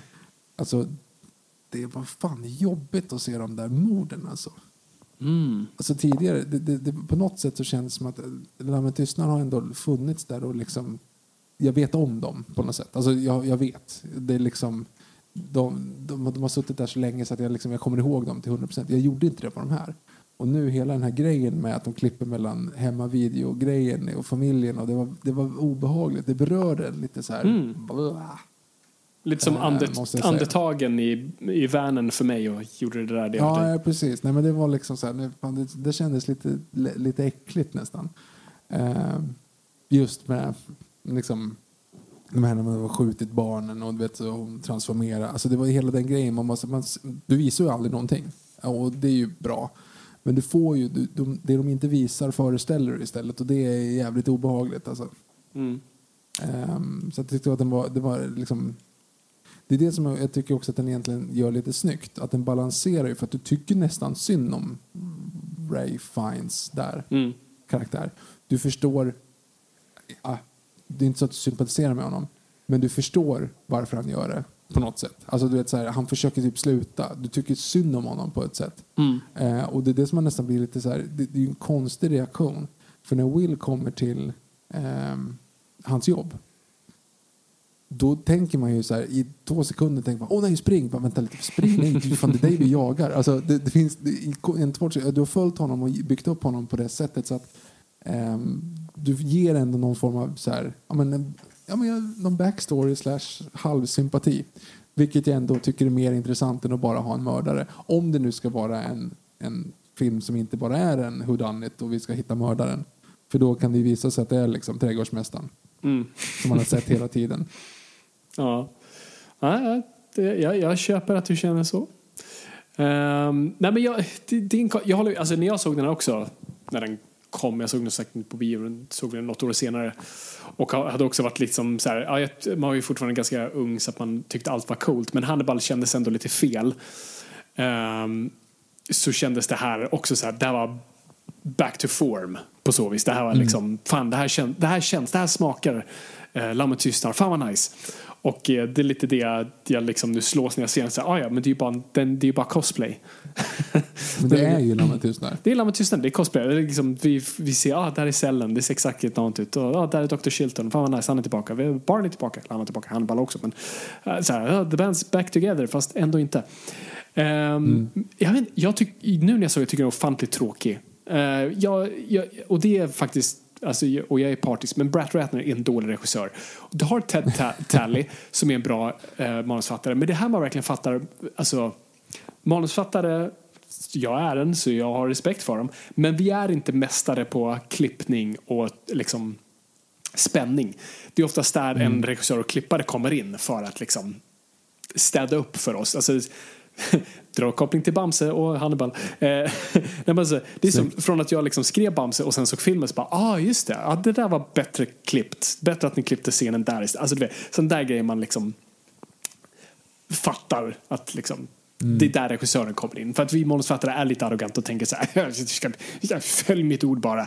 Eh, och sen ser man, för det, det bästa exemplet är ju till exempel, och det glömde vi ta upp, för det är de mest briljanta grejerna i Lammet tystnar, och det är klippningen i slutet. När du har liksom eh, FBI ska storma Gums hem. Ja, det är jätte, jätte, jättesnyggt. Ja. ja verkligen. Och det var skrivet bara som att de liksom eh, de stormar och så inser de att det är, oh, nej, vi har kommit fel, vad är Clarice? Och sen ser vi Clarice åka dit liksom. Men mm. sen är klippningen spann, men vad händer om vi faktiskt gör en liten subversion och klipper så att vi liksom, vi får en sån här what the fuck? Uh, mm. Och det är ju, det är ju briljant. Alltså det är en av de bästa klippta scenerna någonsin. Hur det både berättar en story, det ger en överraskning, det ger en sån här, åh oh, herregud. Uh, och det är där man inser vad... Nej! Mm, alltså. Precis. Det är så jävla bra. Och det är där man förstår vad en, vad en duktig regissör och vad en duktig klippare gör. Och varför filmmediet är som det är. Och den här filmen är så ofantligt dåligt pacad. Eh, så att du liksom, det känns som man halvsover genom halva. Alltså sista tio minuterna, alltså de bara kutar genom liksom alla grejer. Och från att vi... Mm, ja, förvisso. Och liksom från att vi är liksom med Hannibal och sen med hela eh, alltså från huset till han, alltså att huset brinner ner till Hannibal till, till hela grejen i Florida. Alltså allting går bara på typ två minuter. Man bara, vad händer? Men herregud, jaha, är det slut nu? Um, den är så konstigt pacad och så dåligt klippt. Den är väldigt ironisk. Det är samma fotograf som till Manhunter som den här. Um, men den har inte mm -hmm. samma liksom den har liksom en konstig färgkodning som ska vara väldigt extrem och det weird. Jag vet inte, jag bara gillar den inte. Och jag tycker Ray Fiennes är en fantastisk skådis. Jag tycker han är felkastad här. Jag gillar inte den här porträtteringen av Dollar. Jag är ledsen Victor, jag håller inte riktigt med, eller håller med dig. Jag, jag känner inte det du känner. Jag, mm. Gum kände jag var så här, okej okay, det här är nästan lite för verkligt. Jag liksom, så här ser de ut, så här känns de. Dollar känns lite mer som en NCIS Eh, murderer of the Week.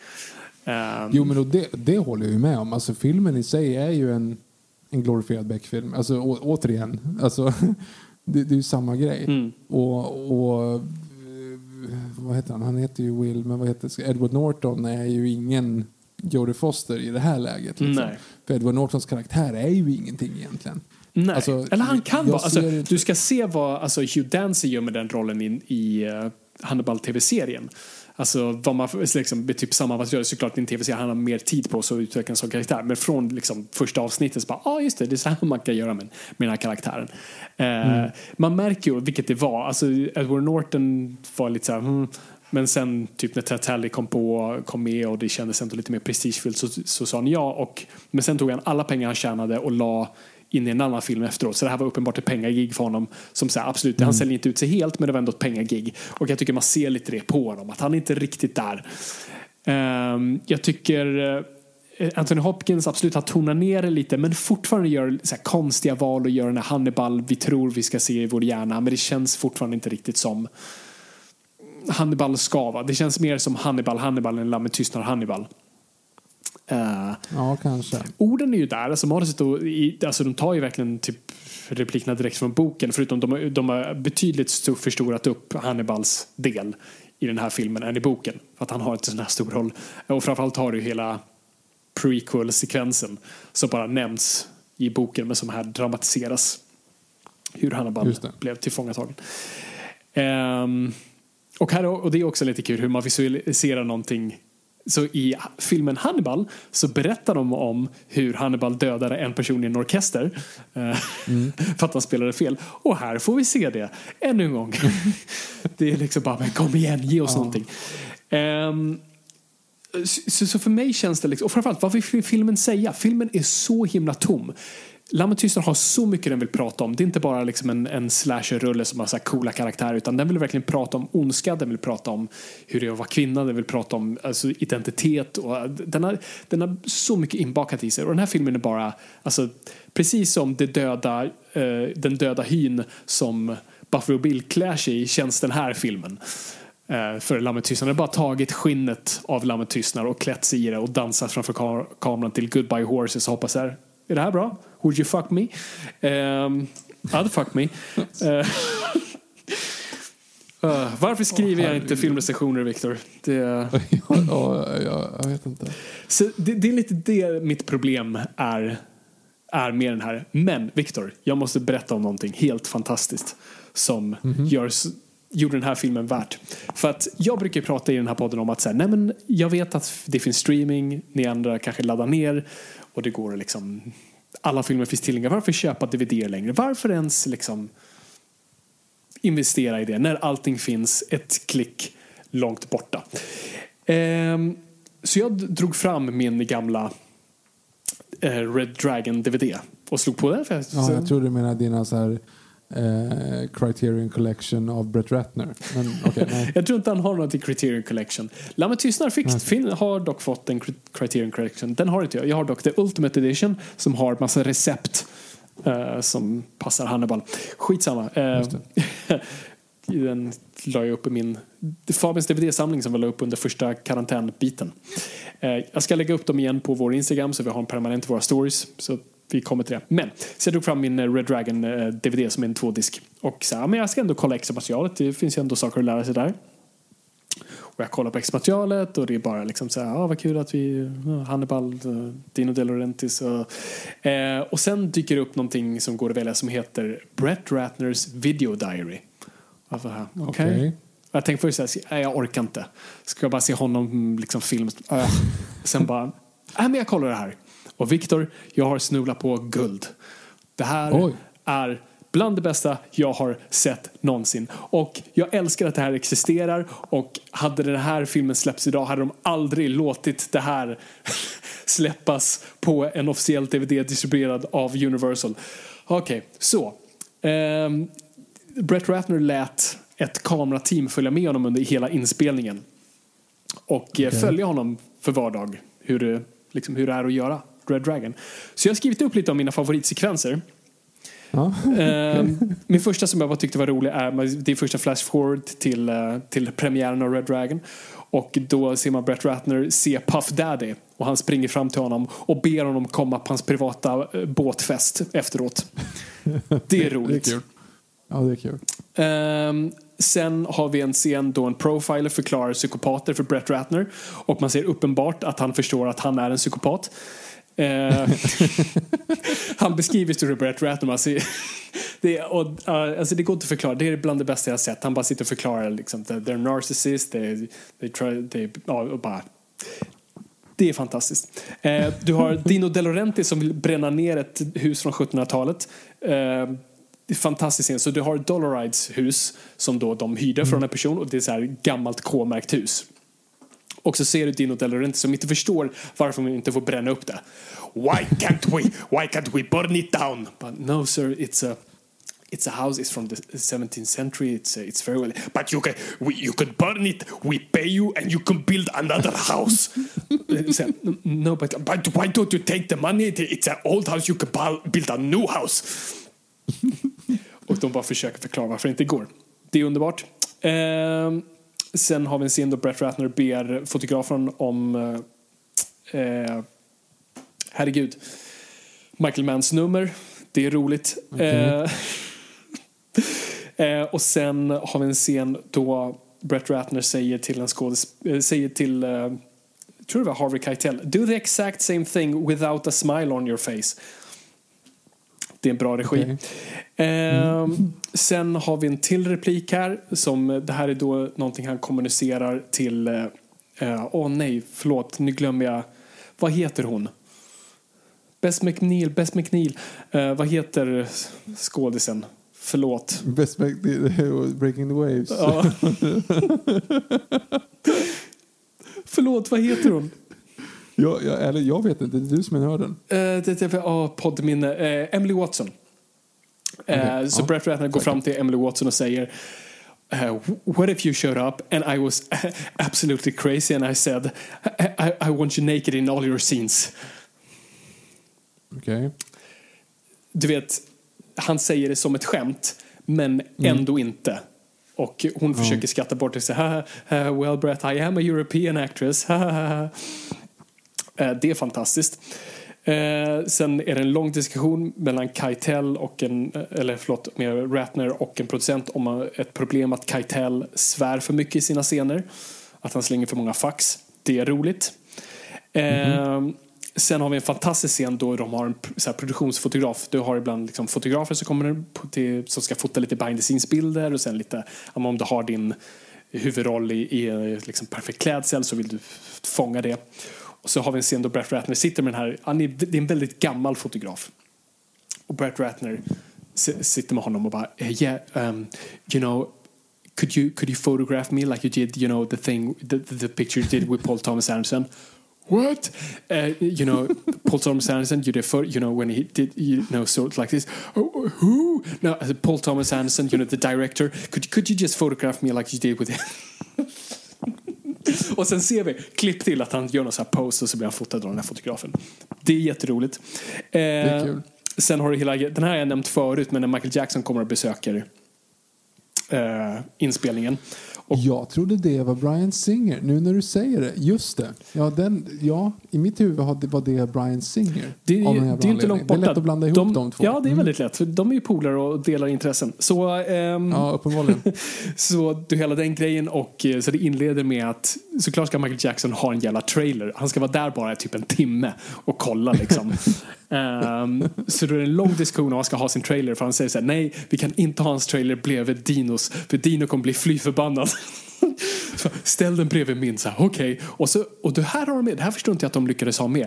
Du har Michael Jacksons assistent sitter och förklarar vad Michael Jackson vill ha. Bland annat då så här, du får, ni får inte ha lampor där inne, det måste vara mörkt, det får inte vara direkt ljus och så bara drar hela liksom, hans kravlista. Det är så här, har någon ens checkat det här med liksom, Nej, det är klart Jackson Estate. han har ju ingen aning om att det där kommer ut. Nej, exakt. Och sen har du hela grejen och Ratner försöker, alltså han är som en liten skolpojke kring, alltså tänk dig mig kring Anders Glenmark när jag är fem år. Det är ungefär så Brett Ratner beter sig. och sen när Michael Jackson går bara säger yeah, would you call me when you get to New York? I will be in New York, so could you please call me? Please call me Michael, please call me. Och sen så åker Michael Jackson iväg. Um, Tror du att han ringde? Uh, nej. nej, nej. Uh, de skulle spela in tydligen en uh, musikvideo tillsammans som aldrig blev av. Jag undrar om det var där det bröts. Eh, sen har du också en fantastisk scen när de ska spela in scenen där det börjar brinna i Dollar Rides hus. Mm. Och du har den eldansvariga som förklarar för Ratner att eh, skådisar kanske inte kommer gilla eld. Så han säger så här, ja, så vi kommer sätta igång elden här och sen kan ni typ filma i någon sekund och sen måste ni liksom bryta. Och han bara, varför? Alltså det kommer bli alltså, tokvarmt här. Han bara, det, alltså det är skådisar, de är proffs. Det, nej, de klarar eld. Ja, men, nej, men hörru, alltså, det, det kommer bli tokvarmt. De är skådisar, de är superproffs. Jag vet inte vad du pratar om. Vi kör. Klipp till. Ray Fiennes och Emily Watson står där. Emily Watson börjar liksom så här ta på sitt ansikte bara ah! det liksom börjar. Och eh, Ray Fiennes eh, shotgun blir tokvarmt så han släpper det och måste liksom springa av. Och så klipper man till liksom Emily Watson sitter och tar i sitt ansikte så här, oh my god, oh my god, have I burned myself? Oh my, oh my god, am I red? Och Ratner bara no, it's okay. You're okay. Det är fantastiskt. Ja. Sen har vi en, jag är snart klar. Eh, sen blir Ratner jättearg som en liten skitunge när han inte får tillräckligt med, liksom, när huset exploderar så vill han liksom kasta debris på kameran. Och det blir aldrig tillräckligt bra så han gnäller, eh, bitchar något ofantligt mycket över det. Det är jätteroligt. Och sen min favoritgrej är Brett Ratner. Det här har de med. Jag överdriver inte. Han står med den här pojken som spelar Grahams son. Och så, mm. Utan kontext, de bara klipper till den här bilden med Ratner med den här pojken och Ratner säger till pojken Never jump in front of a black man in a buffet line. Va? Va? Alltså det, det måste vara någon som är så här det är ju Heath Ledgers Joker som är klippare på de där. Eller åtminstone liksom någon form av så här. Har någon, någon som hatar Brett materialet? Ja, har någon tittat materialet överhuvudtaget liksom? Never jump in front of a black man in a buffet line. Ja, det, oh, det är helt underbart. Alltså, men jag, jag tror seriöst att de tyckte alla de här grejerna var roliga och charmiga. Och i, i post-metoo-världen, i en post-rationell liksom, värld Oh, det är såna här grejer som... I, så här, I en vanlig värld. I en ja, vanlig precis, värld. Och det, jag älskar att jag har det här.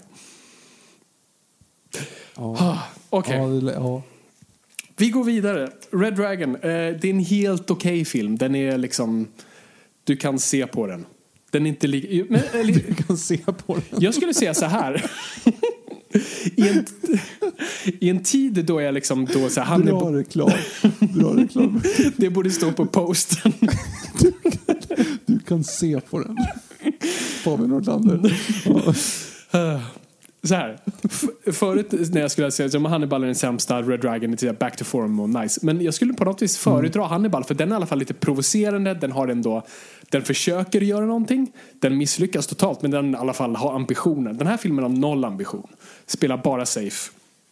Och eh, ja, Ja. hur som helst. Ja, ja, mm, Okej.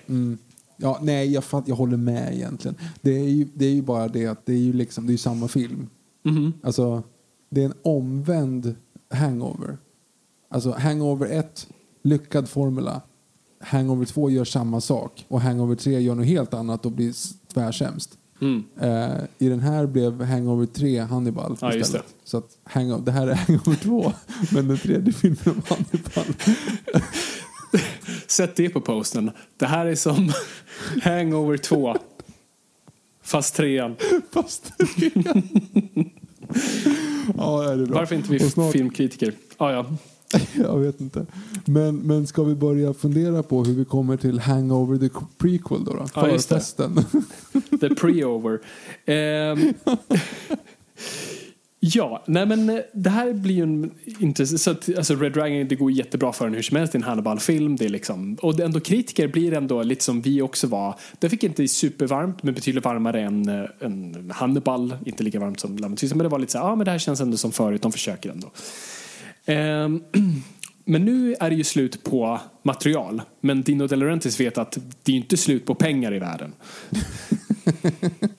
Och det är ett problem. Så han börjar terrorisera Thomas Harris igen. Thomas, please, please, do another Hannibal. Och Hannibal säger, eller Hannibal, Thomas Harris säger nej, Dino, nej, jag tänker inte. Bara okej, I'm gonna do a prequel. Va? I'm gonna do a prequel and I'm gonna do it with or without you. Mm? Och Thomas Harris känner lite så så här, okej. Eh, så att de ska ta min karaktär vare sig jag vill eller inte och göra en prequel på att karaktär jag har skapat. Så antingen skapar jag det och kan liksom på något vis etablera det och liksom i sin, sätta i sten var jag faktiskt tror den här karaktären kommer ifrån. Eller så låter jag den här galna italienaren gå loss och göra någonting med Brett Ratner. Eh, nej, det är kanske bäst att jag gör det här själv. Men Dino ger honom i stort sett bara så här We shoot on Monday! Eh, liksom, har absolut noll respekt för honom den här gången. Så stackars Tom Harris måste skriva boken och manuset samtidigt, parallellt. För att liksom få ut en bok som man sen adapterar i realtid så att den kan komma ut. Så boken kommer ut bara ett halvår innan filmen då. Också som en bra liksom, väldigt bra marknadsföring på så vis. Eh, Det är lite grann som The Last Vampire on Earth.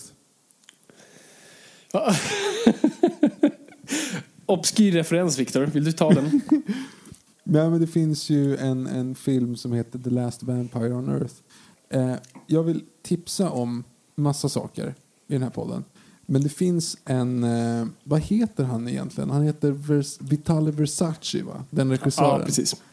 Eh, det finns en, en, en indie, ja det är snällt att säga indie-regissör. Det finns en person som gör film eh, som heter Vitale Versace som gör dåliga filmer helt enkelt och har någon form av så själv, självuppfyllande mål i de här filmerna för det handlar bara om att han så här, big, big director. I'm cool big director. Make big movies. Han borde ha Alltså, jobbat med liksom- Dino De Laurentiis. Ja men typ. Eh, det finns, jag vet, för er, ni, alla ni Norrpod-lyssnare ute vet ju säkert vilka Red Letter Media är. De har ju en grej som heter Best of the Worst där de kollar på dåliga filmer och recenserar dåliga filmer. Och de har gjort ett fantastiskt avsnitt av eh, Last Vampire on Earth. Och Last Vampire on Earth är alltså en, det är en Twilight rip-off. Eh, men på ett sätt som att Alltså det, det är svårt att beskriva för att det är så jävla dåligt. Alltså de har kastat folk typ direkt från gatan. Ingen kan skådespela, ingen ser ut, alltså ingen påminner ens om, om vad de ska vara. Alltså, Nej. han som är vår Edward Cullen så att säga. är liksom- Smårund och ser bara emo ut och inte, Ja, har inte samma sexappeal som... Nej, och den bästa beskrivningen är när, när de säger det i Red Letter Media då. Så man förstår om de kastar en snubbe som är assnygg men kan inte skådespela. För han är åtminstone snygg. Eller så kastar man en snubbe som kan skådespela Men kanske inte ser så bra ut och passar inte för liksom, den här flickidolsrollen. Men här har de ju castat the worst of the worst. De har ju, han kan inte skådespela och han ser ut som Shrek i den jämförelsen. Men, men alltså, det, det är väldigt intressant. Och han ska vara liksom supersexig. Han ska vara över 2000 år gammal. Han pratar om att han, han, liksom, han, han har träffat Jesus men nu går han i typ högstadiet i USA och läser litteratur. Alltså, du vet, det är så här, ja, jättedåligt. Hur som helst. Då i alla fall så är det att det står att den är baserad på en bok. Men den boken är helt uppenbart skriven samtidigt som manuset. Alltså den är skriven efter manuset. Mm. Alltså det är liksom, den, den är knappt häftad och de använder bilder från filmen. Alltså i originalboken. Vilket är så här, vänta lite här nu hörni. Och de hoppas Alltså, ju på det- att det här ska bli en lika stor hit som Twilight. Här, perfekt, så har vi Ja, bok och så har vi filmen, det blir perfekt. Ja, precis. Och det, är väl lite, det var lite den här känslan. Obskyr referens, men det var den känslan jag fick här också nu. Att skriva en bok samtidigt som man skriver ett manus. Då kan man bara skita i boken. Eh, ja.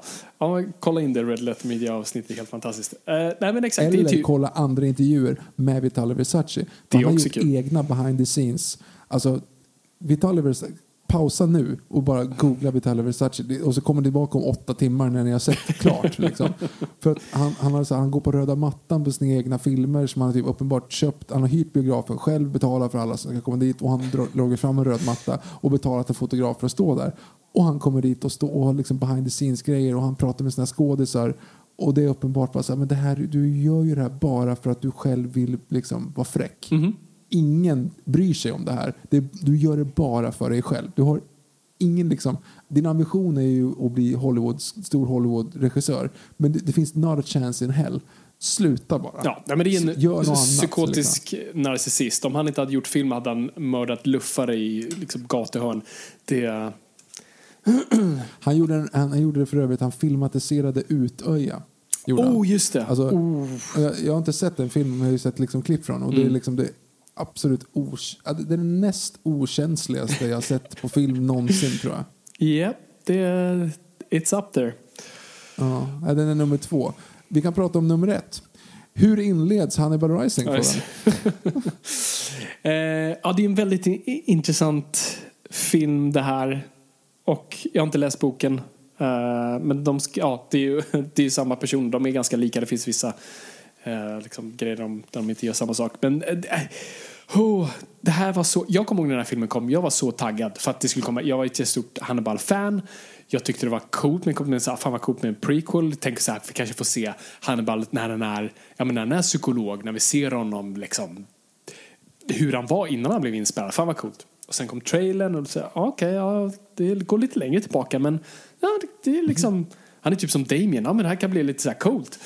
Um, och jag, kommer, jag tror jag såg den på premiärdagen, jag var så jävla taggad på den filmen. Och eh, det var en av mina, liksom, up there med Spider-Man 3 och Indiana Jones 4 med alltså besvikelser som bara, vad fan är det här? Och jag förstod inte liksom, vänta, ska det här vara är det här en separat, är det här ett separat universum som är mer liksom Thomas Harris-universumet eller är det här Anthony Hopkins-universumet? För mig spelar det ingen roll, men jag är lite förvirrad för att det är uppenbart, han ser, han ser inte ut som Anthony Hopkins, kan inte hjälpa, men det är ju det är inte alls samma karaktär. Alltså de försöker inte ens hitta en länk, tänker jag. Det visar sig sen att de försökte det. Uh, och den bara faller helt pladask. Och ännu en gång, jag vill inte veta sakerna jag älskar, vart de kommer ifrån. Jag behöver inte ha det. Ge, lämna mig lite mystik. Det, alltså, det här är tillbaka till den här fantastiska Perrin Oswald komedi stand-up sekvensen då han berättar om hur liksom, eh, scenarion han kanske skulle kunna åka tillbaka i tiden och döda George Lucas med, med en spade. Eh, och så prat, berättar han om hur han liksom står och pratar med honom och så får han höra om liksom så här eh, You like Star Wars? Bara, oh my god, I fucking love Star Wars. Och så berättar han om, liksom, bara gör honom mer och mer besviken med alla liksom, grejer. Och sen slutar med så här, You look sad. Yeah. You want some ice cream? Yeah, George, I, I would like some ice cream. Well, here you have some cream and rock salts. But God damn it, George! I don't. I just love the stuff I love. I don't need to know where it comes from. Eh, och det är lite samma sak här. Det är liksom cream and rock salt. Jag så här, behöver jag verkligen se Hannibal som barn? Måste jag liksom, nej, nej, nej. Alltså, det, åh, alltså vad, jag, vad jag älskar med Hannibal är liksom som med Dracula, Bond, Djävulen, Tommy, Tommy Wiseau. To- Tommy Wiseau, väldigt bra. Eh, och, och Jokern, alltså jag vill inte veta var de kommer ifrån. Alltså som, som vi pratade med Dark Knight, att så här, det bästa med Dark Knight är att Jokern bara står där och det är som att jorden bara öppnade sig själv och spottar ut honom och där igen. Han fanns inte, eh, han fanns inte innan. Och, och samma sak ser jag med liksom Hannibal. Vi liksom, han bara dök upp en vacker dag och började liksom mörda folk. Men nu ska vi liksom seans hans honom. Ja, nej, jag, jag, helt fel helt fel väg att gå. Och jag förstår, liksom inte, jag förstår inte varför det är den här perioden Thomas Harris valde. Han skulle uppenbart ha valt det som sen tv-serien gjorde. Att liksom, vi ser honom mer en ung Hannibal som psykolog kanske. Det hade jag kunnat köpa. Men nej, det här funkar inte alls. Oh, det är så mycket. Viktor, vad, vad, vad, var din spontana känsla nu? Jag, var, jag minns när den här kom ut också. Jag såg den inte på bio. Och jag, en av anledningarna var taglinen Ondskan vaknar. Det är, inte, ja, det är, eh, det är fan titeln på svenska tror jag. Hannibal mm, Ondskan vaknar. Mm. Ja, exakt. Vilket är jättekul. att de överhuvudtaget satte en svensk titel på Rising. Mm -hmm. Förstår inte vi Rising? Kom igen hörni.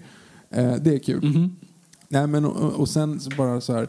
Det här är en film som jag, i, när jag satt och tittade på den här och gapade, då, då funderade jag på så här. En sån här film görs inte idag. Och jag vet inte om det, min teori stämmer. Men det här är ena foten i semimodern tid och andra foten i DVD och Blu-ray-världen. Mm -hmm. Alltså, de, den här är liksom byggd. Det är en stor franchise. Det är liksom Hannibal på omslag, eller det här grejen på omslaget. Men, men internet är ändå inte... Alltså 2007, den är producerad 2006 och inspelad 2006. Då är inte internet vad det är idag. Du hittar inte en dålig recension tvärs. Utan du kan liksom, slår upp Hannibal på omslaget och du sätter masken, då kan ändå folk stå i videobutiken och bara säga hmm, vilken film ska vi hyra idag? Åh, mm. oh, här är Hannibal och råka ta den. alltså det måste vara det de har tänkt. För jag, jag kollade på Wikipedia om den här filmen. Då stod den, tjänade, den spelade in ganska bra pengar på just DVD-marknaden. Liksom. Mm. Vilket är så här, förstår vad besviken man ska vara om att komma hem med den här. Alltså man förväntar sig något och så bara blir det det här liksom. Mm. Och nu, alltså, jag, jag, vet inte om det stämmer, men det känns som att de här filmerna som kunde göras, de gjordes med relativt låg budget. De hade 50 miljoner i budget. Um, och, och, det är ju liksom med, med, med liksom Hannibal-mått mätt och en stor franchise så är det ju ingenting. Mm. Uh, men de förväntade sig inte att tjäna speciellt bra med pengar heller. Utan det är de här som råkar ta fel och går och ser den. Och sen så, de som inte liksom är pålästa och kan läsa recensionerna. För att det är helt uppenbart att så här, du kastar en okänd ish fransk snubbe som huvudpersonen. Väldigt fransk snubbe. Mm. Ja. Du tar en av Asiens hetaste skådespelare och tjohornar in någon faster som är typ lika gammal och gör något kärleksintresse som lär honom om, om japansk kultur. Mm -hmm. Okej. Okay. Ja, det, det, var intressant för då, så, ja, då, då, kanske vi kan spela mot kinesiska marknaden åtminstone. För, så, ja. eh, och sen då så har du ju eh, eh, Rice Ifans, jag kan inte uttala han, walesaren, Reese Ifans. Ja, precis. No. Potato, som, nu uppen, ja, som nu uppenbart går om Paul Bettany i en bra skådis som bara är dåliga filmer. Mm. Eh, för att det, alltså, så här, han bokstavligt, tagar, bokstavligt talat tuggar på sceneriet ja. hela tiden. Alltså han är liksom Evil McEvilson. Alltså han är noll nyans. Hela filmen är bara rå jävla ondska. Alltså jag blev typ deprimerad av att se Alltså när jag sitter och tittar på den så här bara men det är ju så mörkt så det finns inte. Jag fattar vad du pratar om det här med att man så här, men panorerar någon står utan byxor. För att så här, den är så mörk. Allting är bara ingenting. Det finns, och jag menar inte att alltså, literally att den är mörk utan att det är bara så mycket mörker i filmen. Folk, det är bara mord och död och man tycker inte om någon karaktär. Du bryr dig inte om någon. Alla är bara så här, alla är ute efter att mörda folk hela tiden. Alla vill bara dö. Det är bara stor mm blodfest liksom. Och en grej om man hade gjort det i någon form av liksom smart, smartness men det är, det är ju Hostel 3 liksom. Ja. Alltså, det är bara går. Det är Serbian film 2. alltså, det är, det är ju, de har ju inte försökt. Det är inte liksom upp, du, du, förstår inte riktigt, du förstår inte vart det kommer ifrån, vart Hannibals grej. De försöker med någon form av twist, by the way, spoilers. Men alltså det här är bland det absolut sämsta jag sett tror jag. Alltså, jag tycker att det var så, det var så, det var så provocerande. För att, alltså, jag kan inte komma på något bra exempel. Men ibland när du bara ser någonting på film och så bara, ja men kom igen, det där blev för mycket. Game of Thrones har gjort så några gånger. Alltså så här, det är okej med, med gore, men till exempel, jag, jag kommer ihåg, men ehm, våldtäkten på Sansa till exempel. Tänkte jag så här, ah, det, där- nu skärp er. Nu var det liksom, jag förstår vad ni försöker göra, ni försöker göra det liksom för, för shock value, men det var bara osmakligt. Det, liksom, det funkar inte, det var, det var konstigt liksom. Ja. Eh, de grejerna. Det, hela den filmen var, hela den här filmen är så. Mm. Och jag tycker bara så här, ja, men du behöver inte, du har en eh, huvudkaraktär som är noll utstrålning, du har noll karaktär, du har liksom, du, du, du, du bryr dig inte om den överhuvudtaget. Du, du, och så har du det här barnet, och, alltså hela, hela plotten av att typ nazister har ätit hans syrra. Vad, fan, vad är det här för någonting? Och han åt också. Alltså, vad är det för... Ja, och det är ju twisten Ja. då. Att han också åt. Men, men det är ju inte så här, det är, det är, så någonstans då så har du ju, de försöker förklara honom i någon form av psykologisk grej att, ja, som sagt spoilers. Han är ju en, eh, han är ju från Litauen och då när eh, eh, det är några litauiska avhoppare som har joinat SS. Eh, som när SS går på tillbakaryckningen, när ryska armén, när röda armén kommer in och befriar Baltikum för en kort stund, eh, så, eh, så typ bara plöjer de och, och dödar allt i sin väg. Typ. Och då hamnar de då i, Hannibals föräldrar dör och de hamnar då i hans hus. Så att han och hans syrra är liksom med de där SS-nissarna. Ehm, och sen är de typ så här hungriga, det finns ingen mat. Och då på film så slår de ihjäl en fyraårig liten flicka och äter upp henne. Japp. Och man bara så här, men hallå, vad gör ni? Du är liksom inte... Alltså, jag vet, det blir så moralpanik. Jag känner liksom med videovåld och sånt. Men bara så här, men det är inte okej. På något sätt så är liksom inte det... Så, så gör man inte. I alla Alltså, fall inte det- så, så det är porträtterat. Jag köper om Nej, du skulle nej, vilja nej, men ha jag vet, det. Jag vet, jag vet. Du, du hade, men det är porträtterat på ett sätt som är så här, ja men så där, det är inte okej. Och jag bara tänker så här, det är inte så att jag är inne i filmen utan det är precis tvärtom. Jag bara tänker så här, tänk vad, vad fan sa de till hennes föräldrar? De skulle vara med i en stor Hollywoodfilm, yay! Får jag se den? Nej. Alltså, det är ju, det, hon, alltså, det är ju så jävla konstigt liksom. Och jag känner som sagt en, man får moralpanik kring det. Men så det, där är inte, det där är liksom inte okej. Hur som helst, det är ju i alla fall liksom någon form av... Det händer. Eh, och då ska man på något sätt sympatisera varför Hannibal blir som han blir. Men du har ju ingen utveckling. Utan nästa scen, efter det, då är han... Då är det klipp till att han är någon så ungdom som sitter på något eh, ungdomsfängelse typ, eller barnhem som är i hans hus fortfarande, vilket är lite weird. Det var, var en så konstig detalj. Eh, men i alla fall, och då så, så är han ju på ett ungdomshem. Och får jag bara slänga sen- in där, vilket är det minst Hannibaliga någonsin, att Hannibal missköt sig i matsalen och blir tillkallad till rektorn. Ja, Som i en high school-film. Ja, det är bara jättekonstigt. Det är helt ointressant. Och han, men redan nu är han ju så här tyst och liksom har ett mörker i blicken och sådana saker. Mm. Och sen då flyr han det och hamnar hos sin faster då som han har något kärleksrelation med eh, i Paris. Och sen mördar han en snubbe för att han har eh, förolämpat hans faster. Och då är vi där. Vi är 20 minuter in i filmen och han är redan psykopatisk mördare. Mm. Vad är ondskan vaknar? Han har ju var, alltså, det är ju redan- det är klart. Det är Ja. redan där. Liksom. Ja, precis. Det, det presenterar ingenting. Vi får ingen logik. För, alltså, vi får liksom inte så här, Åh, vad var det som fick Hannibal att göra det där? Ja, jag vet inte. Alltså, han var så tydligen. Alltså, det finns ju ingenting där egentligen. Det finns ju ingen förklaring. Det, finns ingen, liksom, det, det tar ingenting nytt till bordet. Förutom då sen att de klipper till efter att eh, Onde Macke Ondsson där har de blir ju avplockade en och en för det är ju lite grann som den här ja, Mark Kermode recenserade den här och drog parallellen till Munich. Mm, ja. För att hela filmen går ju ut på att du, han ska ju mörda alla i de där, där SS-soldaterna. De var ju typ åtta stycken. Så han ska ju då, det är ju Kill Bill, han ska mörda alla dem. Eh, och Mark Kermode beskrev att, men vänta lite här nu. Han räknade dem, bara, vänta vi kommer ju aldrig komma härifrån. Hur länge ska man hålla på med det här? Och de fick döda två. Och man säger, men kom igen, kom till saken. Eh, så det är ju liksom, det är, det är en ointressant story inbakad i en ointressant karaktärs ointressanta uppkomst. Liksom. Det, det, finns, det finns ingenting att hämta i den här filmen. Och den spelar bara på blod. Den spelar på gore. Den spelar inte på stäm, spänning. Och Nej. den spelar inte på någon form av liksom connection. Utan det är bara gore. Mm. Det ska vara så, liksom så här blodigt och vidrigt och allt sånt som bara finns. Och menar, det, det konstiga är ju att han torterar dem ju. Mm. Alltså, om man tänker utifrån liksom, jag, jag ser inte Hannibal som en torterare. Ja, Jag, jag, det kanske jag har fel, men jag, jag ser inte honom som det. Jag ser honom som liksom, det, det är liksom underhandsnivå. Alltså, se, Inte jag- som jag- han jag gör här. Alltså, jag, ser mer lite som alltså, han gör med uh, Verger i Hannibal. Mer den slags grejen. ja, men då, han, Virgil gjorde ju det själv. Han kom ju in i hans huvud så att han typ gjorde det själv. Ja, jo men exakt. Och det är mer åt det hållet. Inte liksom Ja. bada dem och dränk, ja vad nu. Nej, men för det, för han, han tar ju ut dem på så extravaganta sätt. Mm. Alltså han, den ena dödar han med ett jävla samurajsvärd så han ska också vara bra. Han har ju tränat kendo liksom och ska vara bra på att svinga samurajsvärd. Vad det med någonting att göra?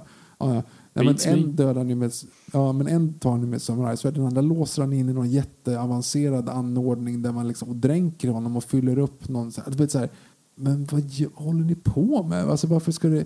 Det blir som en, liksom en, en seriemördarfilm där man ska följa seriemördaren men, men ofiltrerat köper allt han gör. Mm. Liksom. Ja, Jag är så jäkla oengagerad så att jag blev, jag, jag blev provocerad över att det var bara så här. Kolla här är blod. Mm. Och så vet man att det bara är en ca- money grab. Och hade det inte hetat Hannibal hade ingen sett den. nej. Det är ju en film som är liksom skapad under hot. Med en förvirrad, förvirrad fransman i huvudrollen. Nej, men det, det, det är en jätteweird film och jag håller med allt där du säger. Och, framför, och sen, men sen också just det här. Det, Hannibal, alltså, det här bevisar för mig att Hannibal ska aldrig vara huvudkaraktären. Du kan inte, alltså han funkar inte som det. Alltså även i, i, i den bästa av filmer, han är inte en protagonist för att du, liksom, du, du kan inte ha en sån person som huvudroll. Utan du måste ha, han måste speglas via någon annan. Och det tappar du ju helt här. Här är det ju bara han. Och det, det, liksom, det går inte när någon person som bara hejdlöst går runt och mördar människor. Och så här, ja visst han har ett mål men det är liksom det är inte ett riktigt mål vi kan skriva under på. Hur grovt det än, alltså hur grovt brott de än har begått så är det fortfarande inte intressant att bara se honom gå och plöja folk. Eh, sen tycker jag också Gaspar Ulliel som, som spelar då Hannibal är liksom, det är en otacksam roll för honom så att jag, jag ska inte kasta all skit på honom för det är uppenbart liksom, det, det är fel någon annanstans. Men han är ju inte bra, det är helt fel casting. Visst han ser lite creepy ut men alltså accenten sitter bara blir ett otroligt hinder. Han, liksom, han, man, han spelar psycho. Alltså han bara spelar Ja. liksom så här, nu ska jag vara psycho. Och det är det som är liksom anti-Hannibal. Det är just den här att, att ha den här kontrollen över sig själv. Och visst du kan argumentera, jo men han har inte funnit det än.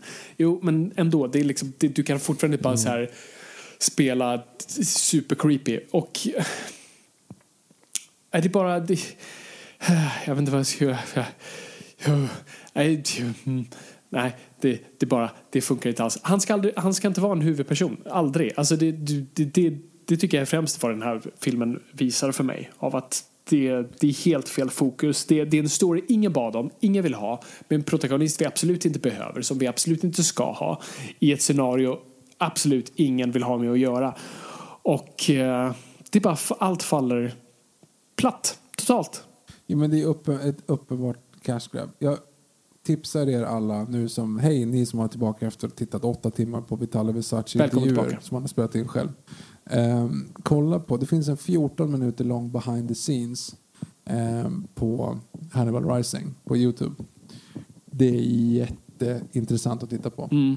Ehm, Där pratar de ju Eller, just om att så här, jo men vi liksom han studerade Anthony Hopkins och vi, vi anställde en rörelsecoach som skulle Ja. liksom lära honom röra sig som, som, han eller som, som Anthony Hopkins. Och det är så här, jag inte, alltså det blir så konstigt där för att så här, nummer ett så gör han inte det. Jag ser ingen Anthony Hopkins i det. Och nummer två, jag hade Ja. inte behövt det. Jag hade absolut inte behövt liksom en, en sammanlänkad koppling. Det här hade kunnat vara som sin egen lilla miniuniversum. Eller så här, han får komma dit så småningom. Så det känns som också det faller mellan stolarna. Den har inte sin egna identitet och det vill heller inte vara alla med tystnader. Det, det blir bara... Nej. Hela filmen faller mellan stolarna för mig. men han säger ju ändå good evening och så vem det nu var. Officer. Ja. Officer, ja, något sånt där. Jag, blandar, jag ska inte säga att jag blandar ihop den. Men en film som den påminner om fast gör det mycket, mycket bättre är Parfymen. Kommer du ihåg den? Just det, ja precis. De kom ju typ samtidigt Ja, och lite kommer samma, samtidigt. Ja, exakt. samma Ja. grej. En seriemördare som Precis, alltså den är ju mer liksom, parfymen är ju typ mer som så här, man tänker att Hannibal, hur en film i Hannibals huvud skulle se ut. Eh, Exakt, ja, men, ja exakt så äh, det, det är en bra parallell. Det, det, faktiskt. Den gjorde Hannibal Rising bättre än Hannibal Rising. För, jag menar, han, för den, den är ju liksom, det, är, ju- det handlar ju om en, om en eh, par, känd parfymerare eller en ung person som kan dofta väldigt bra. Han kan alla dofter och sätter ihop parfymer som blir så här, han är besatt av, av lukter. Och på något vänster då så listar han ut att om man mördar kvinnor så kan man ta deras dofter på några olika vänster. Han doppar dem typ i så olika sörjor och eh, skickar ut i, i liksom i sina parfymer. Och då han blir jätteduktig parfymsäljare men det här det, det äckliga bakom liksom vet ingen om. Så det är ju så folk som jagar honom då liksom utan att veta det. Där har du ju Hannibal-storyn fast liksom skit i Ja. parfymen. Alltså hitta någonting annat Och bara. allt slutar i en superorgie. Exakt som det skulle ha gjort. Ja just det. Eh, Just det. Kommer, han, just det. Spoilers. Men kommer du ihåg vad som hände med honom? Nej, det har jag glömt bort. Ja, okej. ja, det, det är bra. Det är ett coolt slut. Weird, den. men väldigt coolt. Ja, jävligt ballsy. Ehm, ja, nej, men det är en värdelös film. Det är liksom, ryktet eh, är sant och det, det är samma skit. Den har inte åldrats väl. Eh, och nej, det, det är en film jag helst vill glömma. Och det är så synd att vi nu har... Det här är ju kanon på så vis. Det är rätt kul. De ändå försöker rädda det lite i eh, Hannibal tv-serien. Vilket känns som en ganska bra jumping off. Har du något mer du vill säga om Hannibal Rising? Det är någonstans det är någonstans ändå liksom så här med post me too och allt att det är Harvey Weinstein som har producerat den. Vänta, det här har jag Company. helt missat att det är en Weinstein Company. Weinstein är med i, i herregud. lite bakom eh, Hannibal Rising. Full circle. det, ja, eller hur? Mm, underbart. Fräscht. Okej, okay. men den här filmen floppade ju och hatades av kritiker och fans och alltihop. Så att eh, det här blev ju inte Dino De Laurentiis glada över för nu fanns det inga pengar kvar i franchisen. så de på något vis lägger det på is. Ehm, och det tar några år, typ ja, närmare eh, 2010-talet, så börjar det ändå bubbla upp lite igen. Eh, för nu är det också så här att 20-årsjubileumet på G och eh, intressen kring att göra någonting mer dyker upp. Delorentis, De Laurentiis, alltså både han och, eller han hinner gå bort eh, och eh, hans fru Martha som även varit med och producerat filmerna så hon är liksom medproducent på det här. Hon tar över De Laurentiis-företaget och sitter fortfarande på franchisen men verkar inte ha något intresse av att i alla fall göra någonting själv.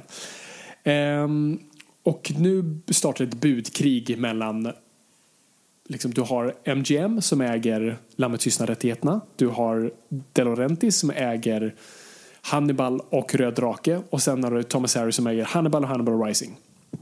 Och karaktärerna som skapas där.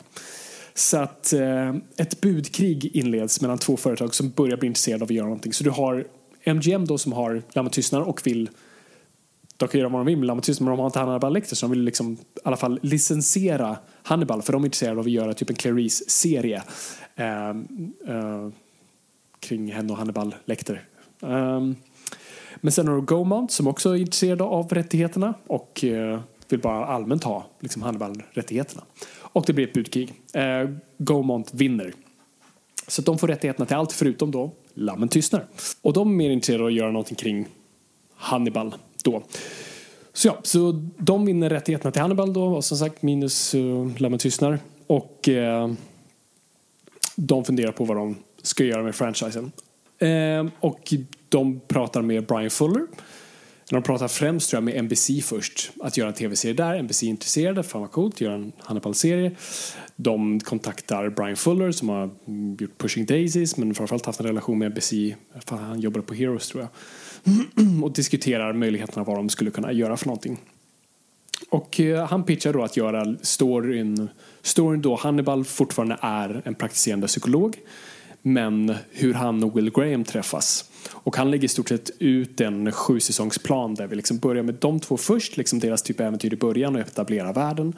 Och sen går vi över till Röd Drake typ i säsong fyra. Och säsong fem kör vi Lammet tystnar och sen kör vi Hannibal. Och sen kör vi typ en extra säsong där vi då avslutar hela Hannibal-storyn. Och det var i stort sett planen. Det här skulle då vara på NBC, vilket var väldigt weird för man tänker NBC Network att det kanske inte är där man har sådana här serier. Det här känns kanske mer som en HBO, men NBC är väldigt mån om så här, men vi vill ändå göra det här seriöst. Vi vill ändå konkurrera med Netflix, HBO och hela den där nya liksom kabel-tv-världen. Så de ändå vill ändå stå bakom och göra det ganska våldsamt och grafiskt. Såklart inget naket och inget fax, men våld kan vi ha. Ehm, så frågan är först då vem som ska spela Hannibal. Och eh, NBC vill ha John Cusack eller eh, Hugh Grant. Okej. Och Brian Fuller är lite så här, "Åh, jag vet inte om den, den där känns inte rätt. De vill mer ha typ en etablerad stjärna som de kan liksom verkligen stå bakom och pusha serien på. Men sen på, upp på bordet så ser Brian Fuller Mats Mikkelsen dyker upp som namn. Och det blir han ändå sådär, hmm. Och efteråt kan han inte se någon annan. Och det tar mycket krav, eller mycket liksom fight och mycket liksom snack med NBC och till slut säger NBC okej fine, vi tror på din vision, kör. Och sen Lawrence Fishburne joinar och då kan de liksom få typ alla andra skådisar. Och eh, de gör Hannibal som tyvärr bara går i tre säsonger för att tittningarna är inte så bra. Den får en väldigt stor fanfölje men den drar inte liksom de här tittningarna som Networks behöver. Och de lägger ner efter tre säsonger när de som sagt ville göra sju. Viktor, har du sett Hannibal-serier? Jag har inte sett någonting av Hannibal-serien. All right. Eh, jag, har, jag kommer ihåg när den kom till Netflix och jag blev direkt taggad som ett fan. Och eh, blev så ofantligt lättad och glad. Du borde verkligen säga, nu finns den ju inte på Netflix längre Victor, jag vet inte var du skulle se den någonstans. Jag vet inte om den finns på några av dina streaming-sajter men det här, är, det här är för mig Hannibal. Det här smakar och känns som Hannibal. I alla fall första säsongen. Problemet med den här serien är att den just skyndar på utav bara helvete. Så För, sen, jag, jag såg inte ens klart hela för jag tyckte just den, den ballade ur lite och de, jag kände att de kände sig stressade. De kastade sen till slut in Röd Drake och Hannibal i det hela vilket känns helt weird för Hannibal funkar inte i tidslinjen. Och eh, det var jättesynd för de fick inte rättigheterna till Lammet tystnar för MGM var typ sura att så här, de förlorade det här då budkriget och så här, "Ja, fuck you, vi får, att om vi inte ens får liksom Hannibal, då får inte ni Lammet tystnar. Så det blev liksom bittert och ja, allting gick på åt helvete för den här stackars serien. Och det är så synd för att Mats Mikkelsen är briljant och han är så som jag typ ser han ser inte ut som han gör i böckerna men det, i mitt huvud är typ Hannibal så. Och hur han spelar honom, eh, du köper att han är liksom psykopat som äter människor men du köper att folk inte tror det. Att, han, att folk gillar honom och gillar att tillbringa tid med honom. Och eh, de tog in typ en så här superkock som eh, eh, skulle då hjälpa till med matlagning i serien för mat har en väldigt stor central roll. Varje avsnitt heter en maträtt och inte då alltså, alltså pasta carbonara utan väldigt så här fina, superfina gourmandrätter. Eh, och han gör ju helt sjuka rätter. Jag tror jag skickade dig en, ett klipp Viktor. Ja, du Bara- skickade ett klipp där han gjorde någon lårben. Exakt, och det ser helt sjukt gott och fantastiskt. Det ser ut som ett konstverk. Och det, nej, det, alltså, som sagt, precis som han, liksom Hannibal Rising inte smakar Hannibal, det här smakar Hannibal, pun intended. Det här är, det, det, det är så bra och samtidigt så synd att den inte fick leva ut sin fulla potential. De försökte sen med Amazon och Netflix men det blev problem där också. Och sen nu i och med liksom att Clarice-serien kommer då MGM gick sitt egna håll så uppenbart så de kommer ju inte kunna binda ihop det där. Och det är så synd, de skulle bara gett med sig för då hade de kunnat göra typ en med, låna ut rättigheterna eh, och gjort en säsong med Clarice och sen hade de kunnat göra ett spin-off med Clarice och kunnat haft Mads Mikkelsen typ någon gång ibland. Nej, det är så synd, det, det förlorar potential, någonting vi aldrig kommer kunna få tillbaka och det var verkligen blixt i en flaska. Eh, och du kommer aldrig kunna replikera det och vi kommer aldrig kunna ha det. Så det är så himla synd. För det, det är så briljant på många platser och det är så fantastiskt faktiskt att vara en NBC-serie. Men det skulle ha varit på HBO eller Netflix. Det är det som, det, det, det är där det föll. Då hade de inte varit så besatta av tittning på samma sätt. Och vi hade haft någonting riktigt speciellt. Tänkte de, de, om det hade varit de sju säsongerna då hade hade aldrig behövt röra franchisen igen. Den hade varit perfekt. Nu önskar jag såklart, vem vet att den har hållit kvaliteten så länge. Men eh, om det hade verkligen varit som, som, det hade, som det lovades först. Men men, jag rekommenderar den. Om ni inte har sett den, om ni tycker så här, "Ah, jag vet inte vad det är, det är skitbra. Det är fantastiskt. Och det är en fantastisk så här, homoerotisk relation mellan Graham och Hannibal. Vad tror, vad, vad tror du blir framtiden för karaktären då? Det är en bra fråga. Nu kör de ju Clarice och som sagt på grund av rättigheterna så de får inte ens nämna Hannibal. Du får inte ens du vet, ha en flashback där vi typ så här Ja, de säger inte att det är Hannibal, de fattar att det är Hannibal. Nej, nej, de får inte ens visa bakhuvudet på Hannibal. Det är så strikt med de här rättigheterna. Så, så Clarice-serien kommer verkligen vara en Clarice-serie, men de ska tydligen så här, ja, och så vi ska ha, hon ska, som jag har förstått det, jag kan ha fel, att det är inte så att de ska jaga seriemördare och det är så här, på ett sätt är det väl bra att det inte bara är liksom veckans seriemördare. Eh, Det hade de lite på Hannibal och det var kanske inte den starkaste sidan av det. var lite så här veckans mord. Men, eh, men, nu ska, men istället ska de ha så här, nej men det ska vara verkliga händelser som ska liksom utforska den här första bombningen av 11 september, du vet i garaget där. Utan, Va? Okej. Eh, och sådana där grejer. Och de drog upp massa andra liksom, grejer som hände under 90-talet. Och det, är så här, nej, det känns inte heller rätt. Och, jag, och Clarice, alltså och de ska säga, ja men hon ska liksom, och det handlar om traumat sen, Buffalo Bill. Alltså, ja men traumat var inte Buffalo Bill, det var inte Buffalo Bill som kom under hennes skinn så att säga, utan det var Hannibal. Hannibal är traumat. Eh, Buffalo Bill är liksom icing on the cake. Men det är inte grejen, så att det, det kommer inte riktigt heller funka. Så jag vet inte. När det gäller Hannibal-karaktären, jag vet inte vad, hur många fler stenar du kan lyfta med den karaktären. Eh, man har ju i stort sett liksom gjort allt man kan göra med honom. Och särskilt efter tv-serien. Jag vet inte om jag vill se en annan version av honom som praktiserande psykolog. Jag tycker Mats Mikkelsen gjorde ett sånt bra jobb med det och vi såg hur det liksom såg ut. Och jag, jag ser inte varför vi skulle titta på det igen. Så jag vet inte. Kan vi inte bara låta den karaktären försvinna nu då? Nej, men jag tror, jag tror faktiskt, för att det är lite som, som vi pratade om tidigare, den här karaktären är lite done to death, både i sin egen franchise men också överallt annars. Just som vi sa, alla refererar till, till Hannibal Lecter. Han är inte speciell längre, för nu är alla superskurkar och mördare Hannibal Lecters och versioner på Hannibal Lecters. Alltså, jag tror till och med när vi såg den här Wallander-filmen, eh, vad fan hette den? Vilken var det vi såg på bio? Mastermind. Mastermind. Det var också typ en Hannibal-esk mördare som pratade väldigt lugnt och kontrollerat. blinkar aldrig, vilket är en myt för övrigt att, att Anthony Hopkins aldrig blinkar som Hannibal. Ehm, det... Jag tror att det liksom, vi ska vara glada för det vi hade. Och eh, jag tror vi kan vara nöjda. Alltså, det, enda, det enda jag kan tänka mig, nu är det verkligen Fabian får drömma här, det är att de kanske lyckas på något vis få ihop Hugh Dancy och eh, Mats Mikkelsen igen med Brian Fuller och de lyckas göra någon grej där de bara på något vis lyckas få ihop det. Att, ah, ja, vi skiter i att vi gjorde Rödrake och eh, Hannibal och vi, vi, vi, vi gör om det. det var en dröm. Eh, Hannibal kliver ut ur duschen och så börjar vi om.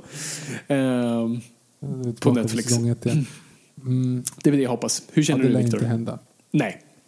Nej, men jag tycker att det, det är gjort nu. Alltså det var ju för fan gjort 91. Vi hade inte behövt något mer Nej. Nej, precis. egentligen. Nej, Nej och, det, och det, på så vis är det ju lite så den karaktären är liksom fast i våra huvuden. Det är den vi har. Det är, det, det är de, de bra grejerna vi har och varför behöver vi ha mer av det egentligen? Det är inte en sån konstig kultur vi har fött fram av att bara för att, hålla, för att en karaktär ska vara levande så måste vi fortsätta göra saker mer än vi måste fortsätta göra Star Wars, vi måste fortsätta göra de- de här franchiserna, vi måste fortsätta göra Hannibal.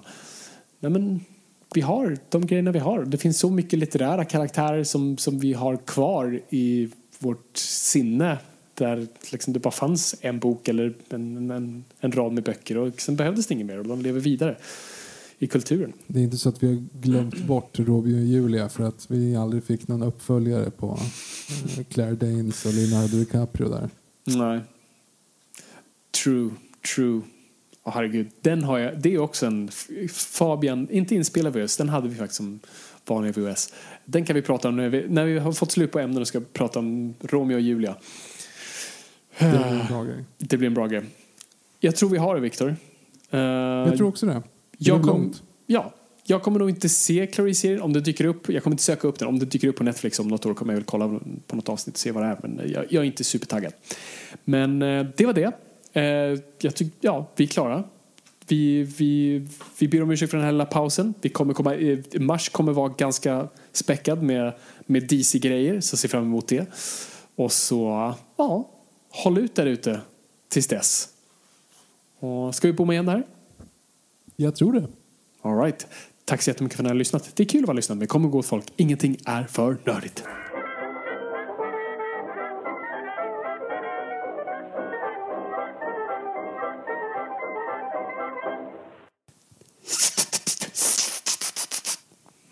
Kan inte göra det bra.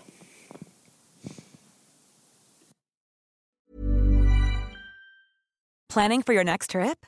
Elevate your travel style with Quince. Quince has all the jet setting essentials you'll want for your next getaway, like European linen, premium luggage options, buttery soft Italian leather bags, and so much more. And is all priced at 50 to 80% less than similar brands.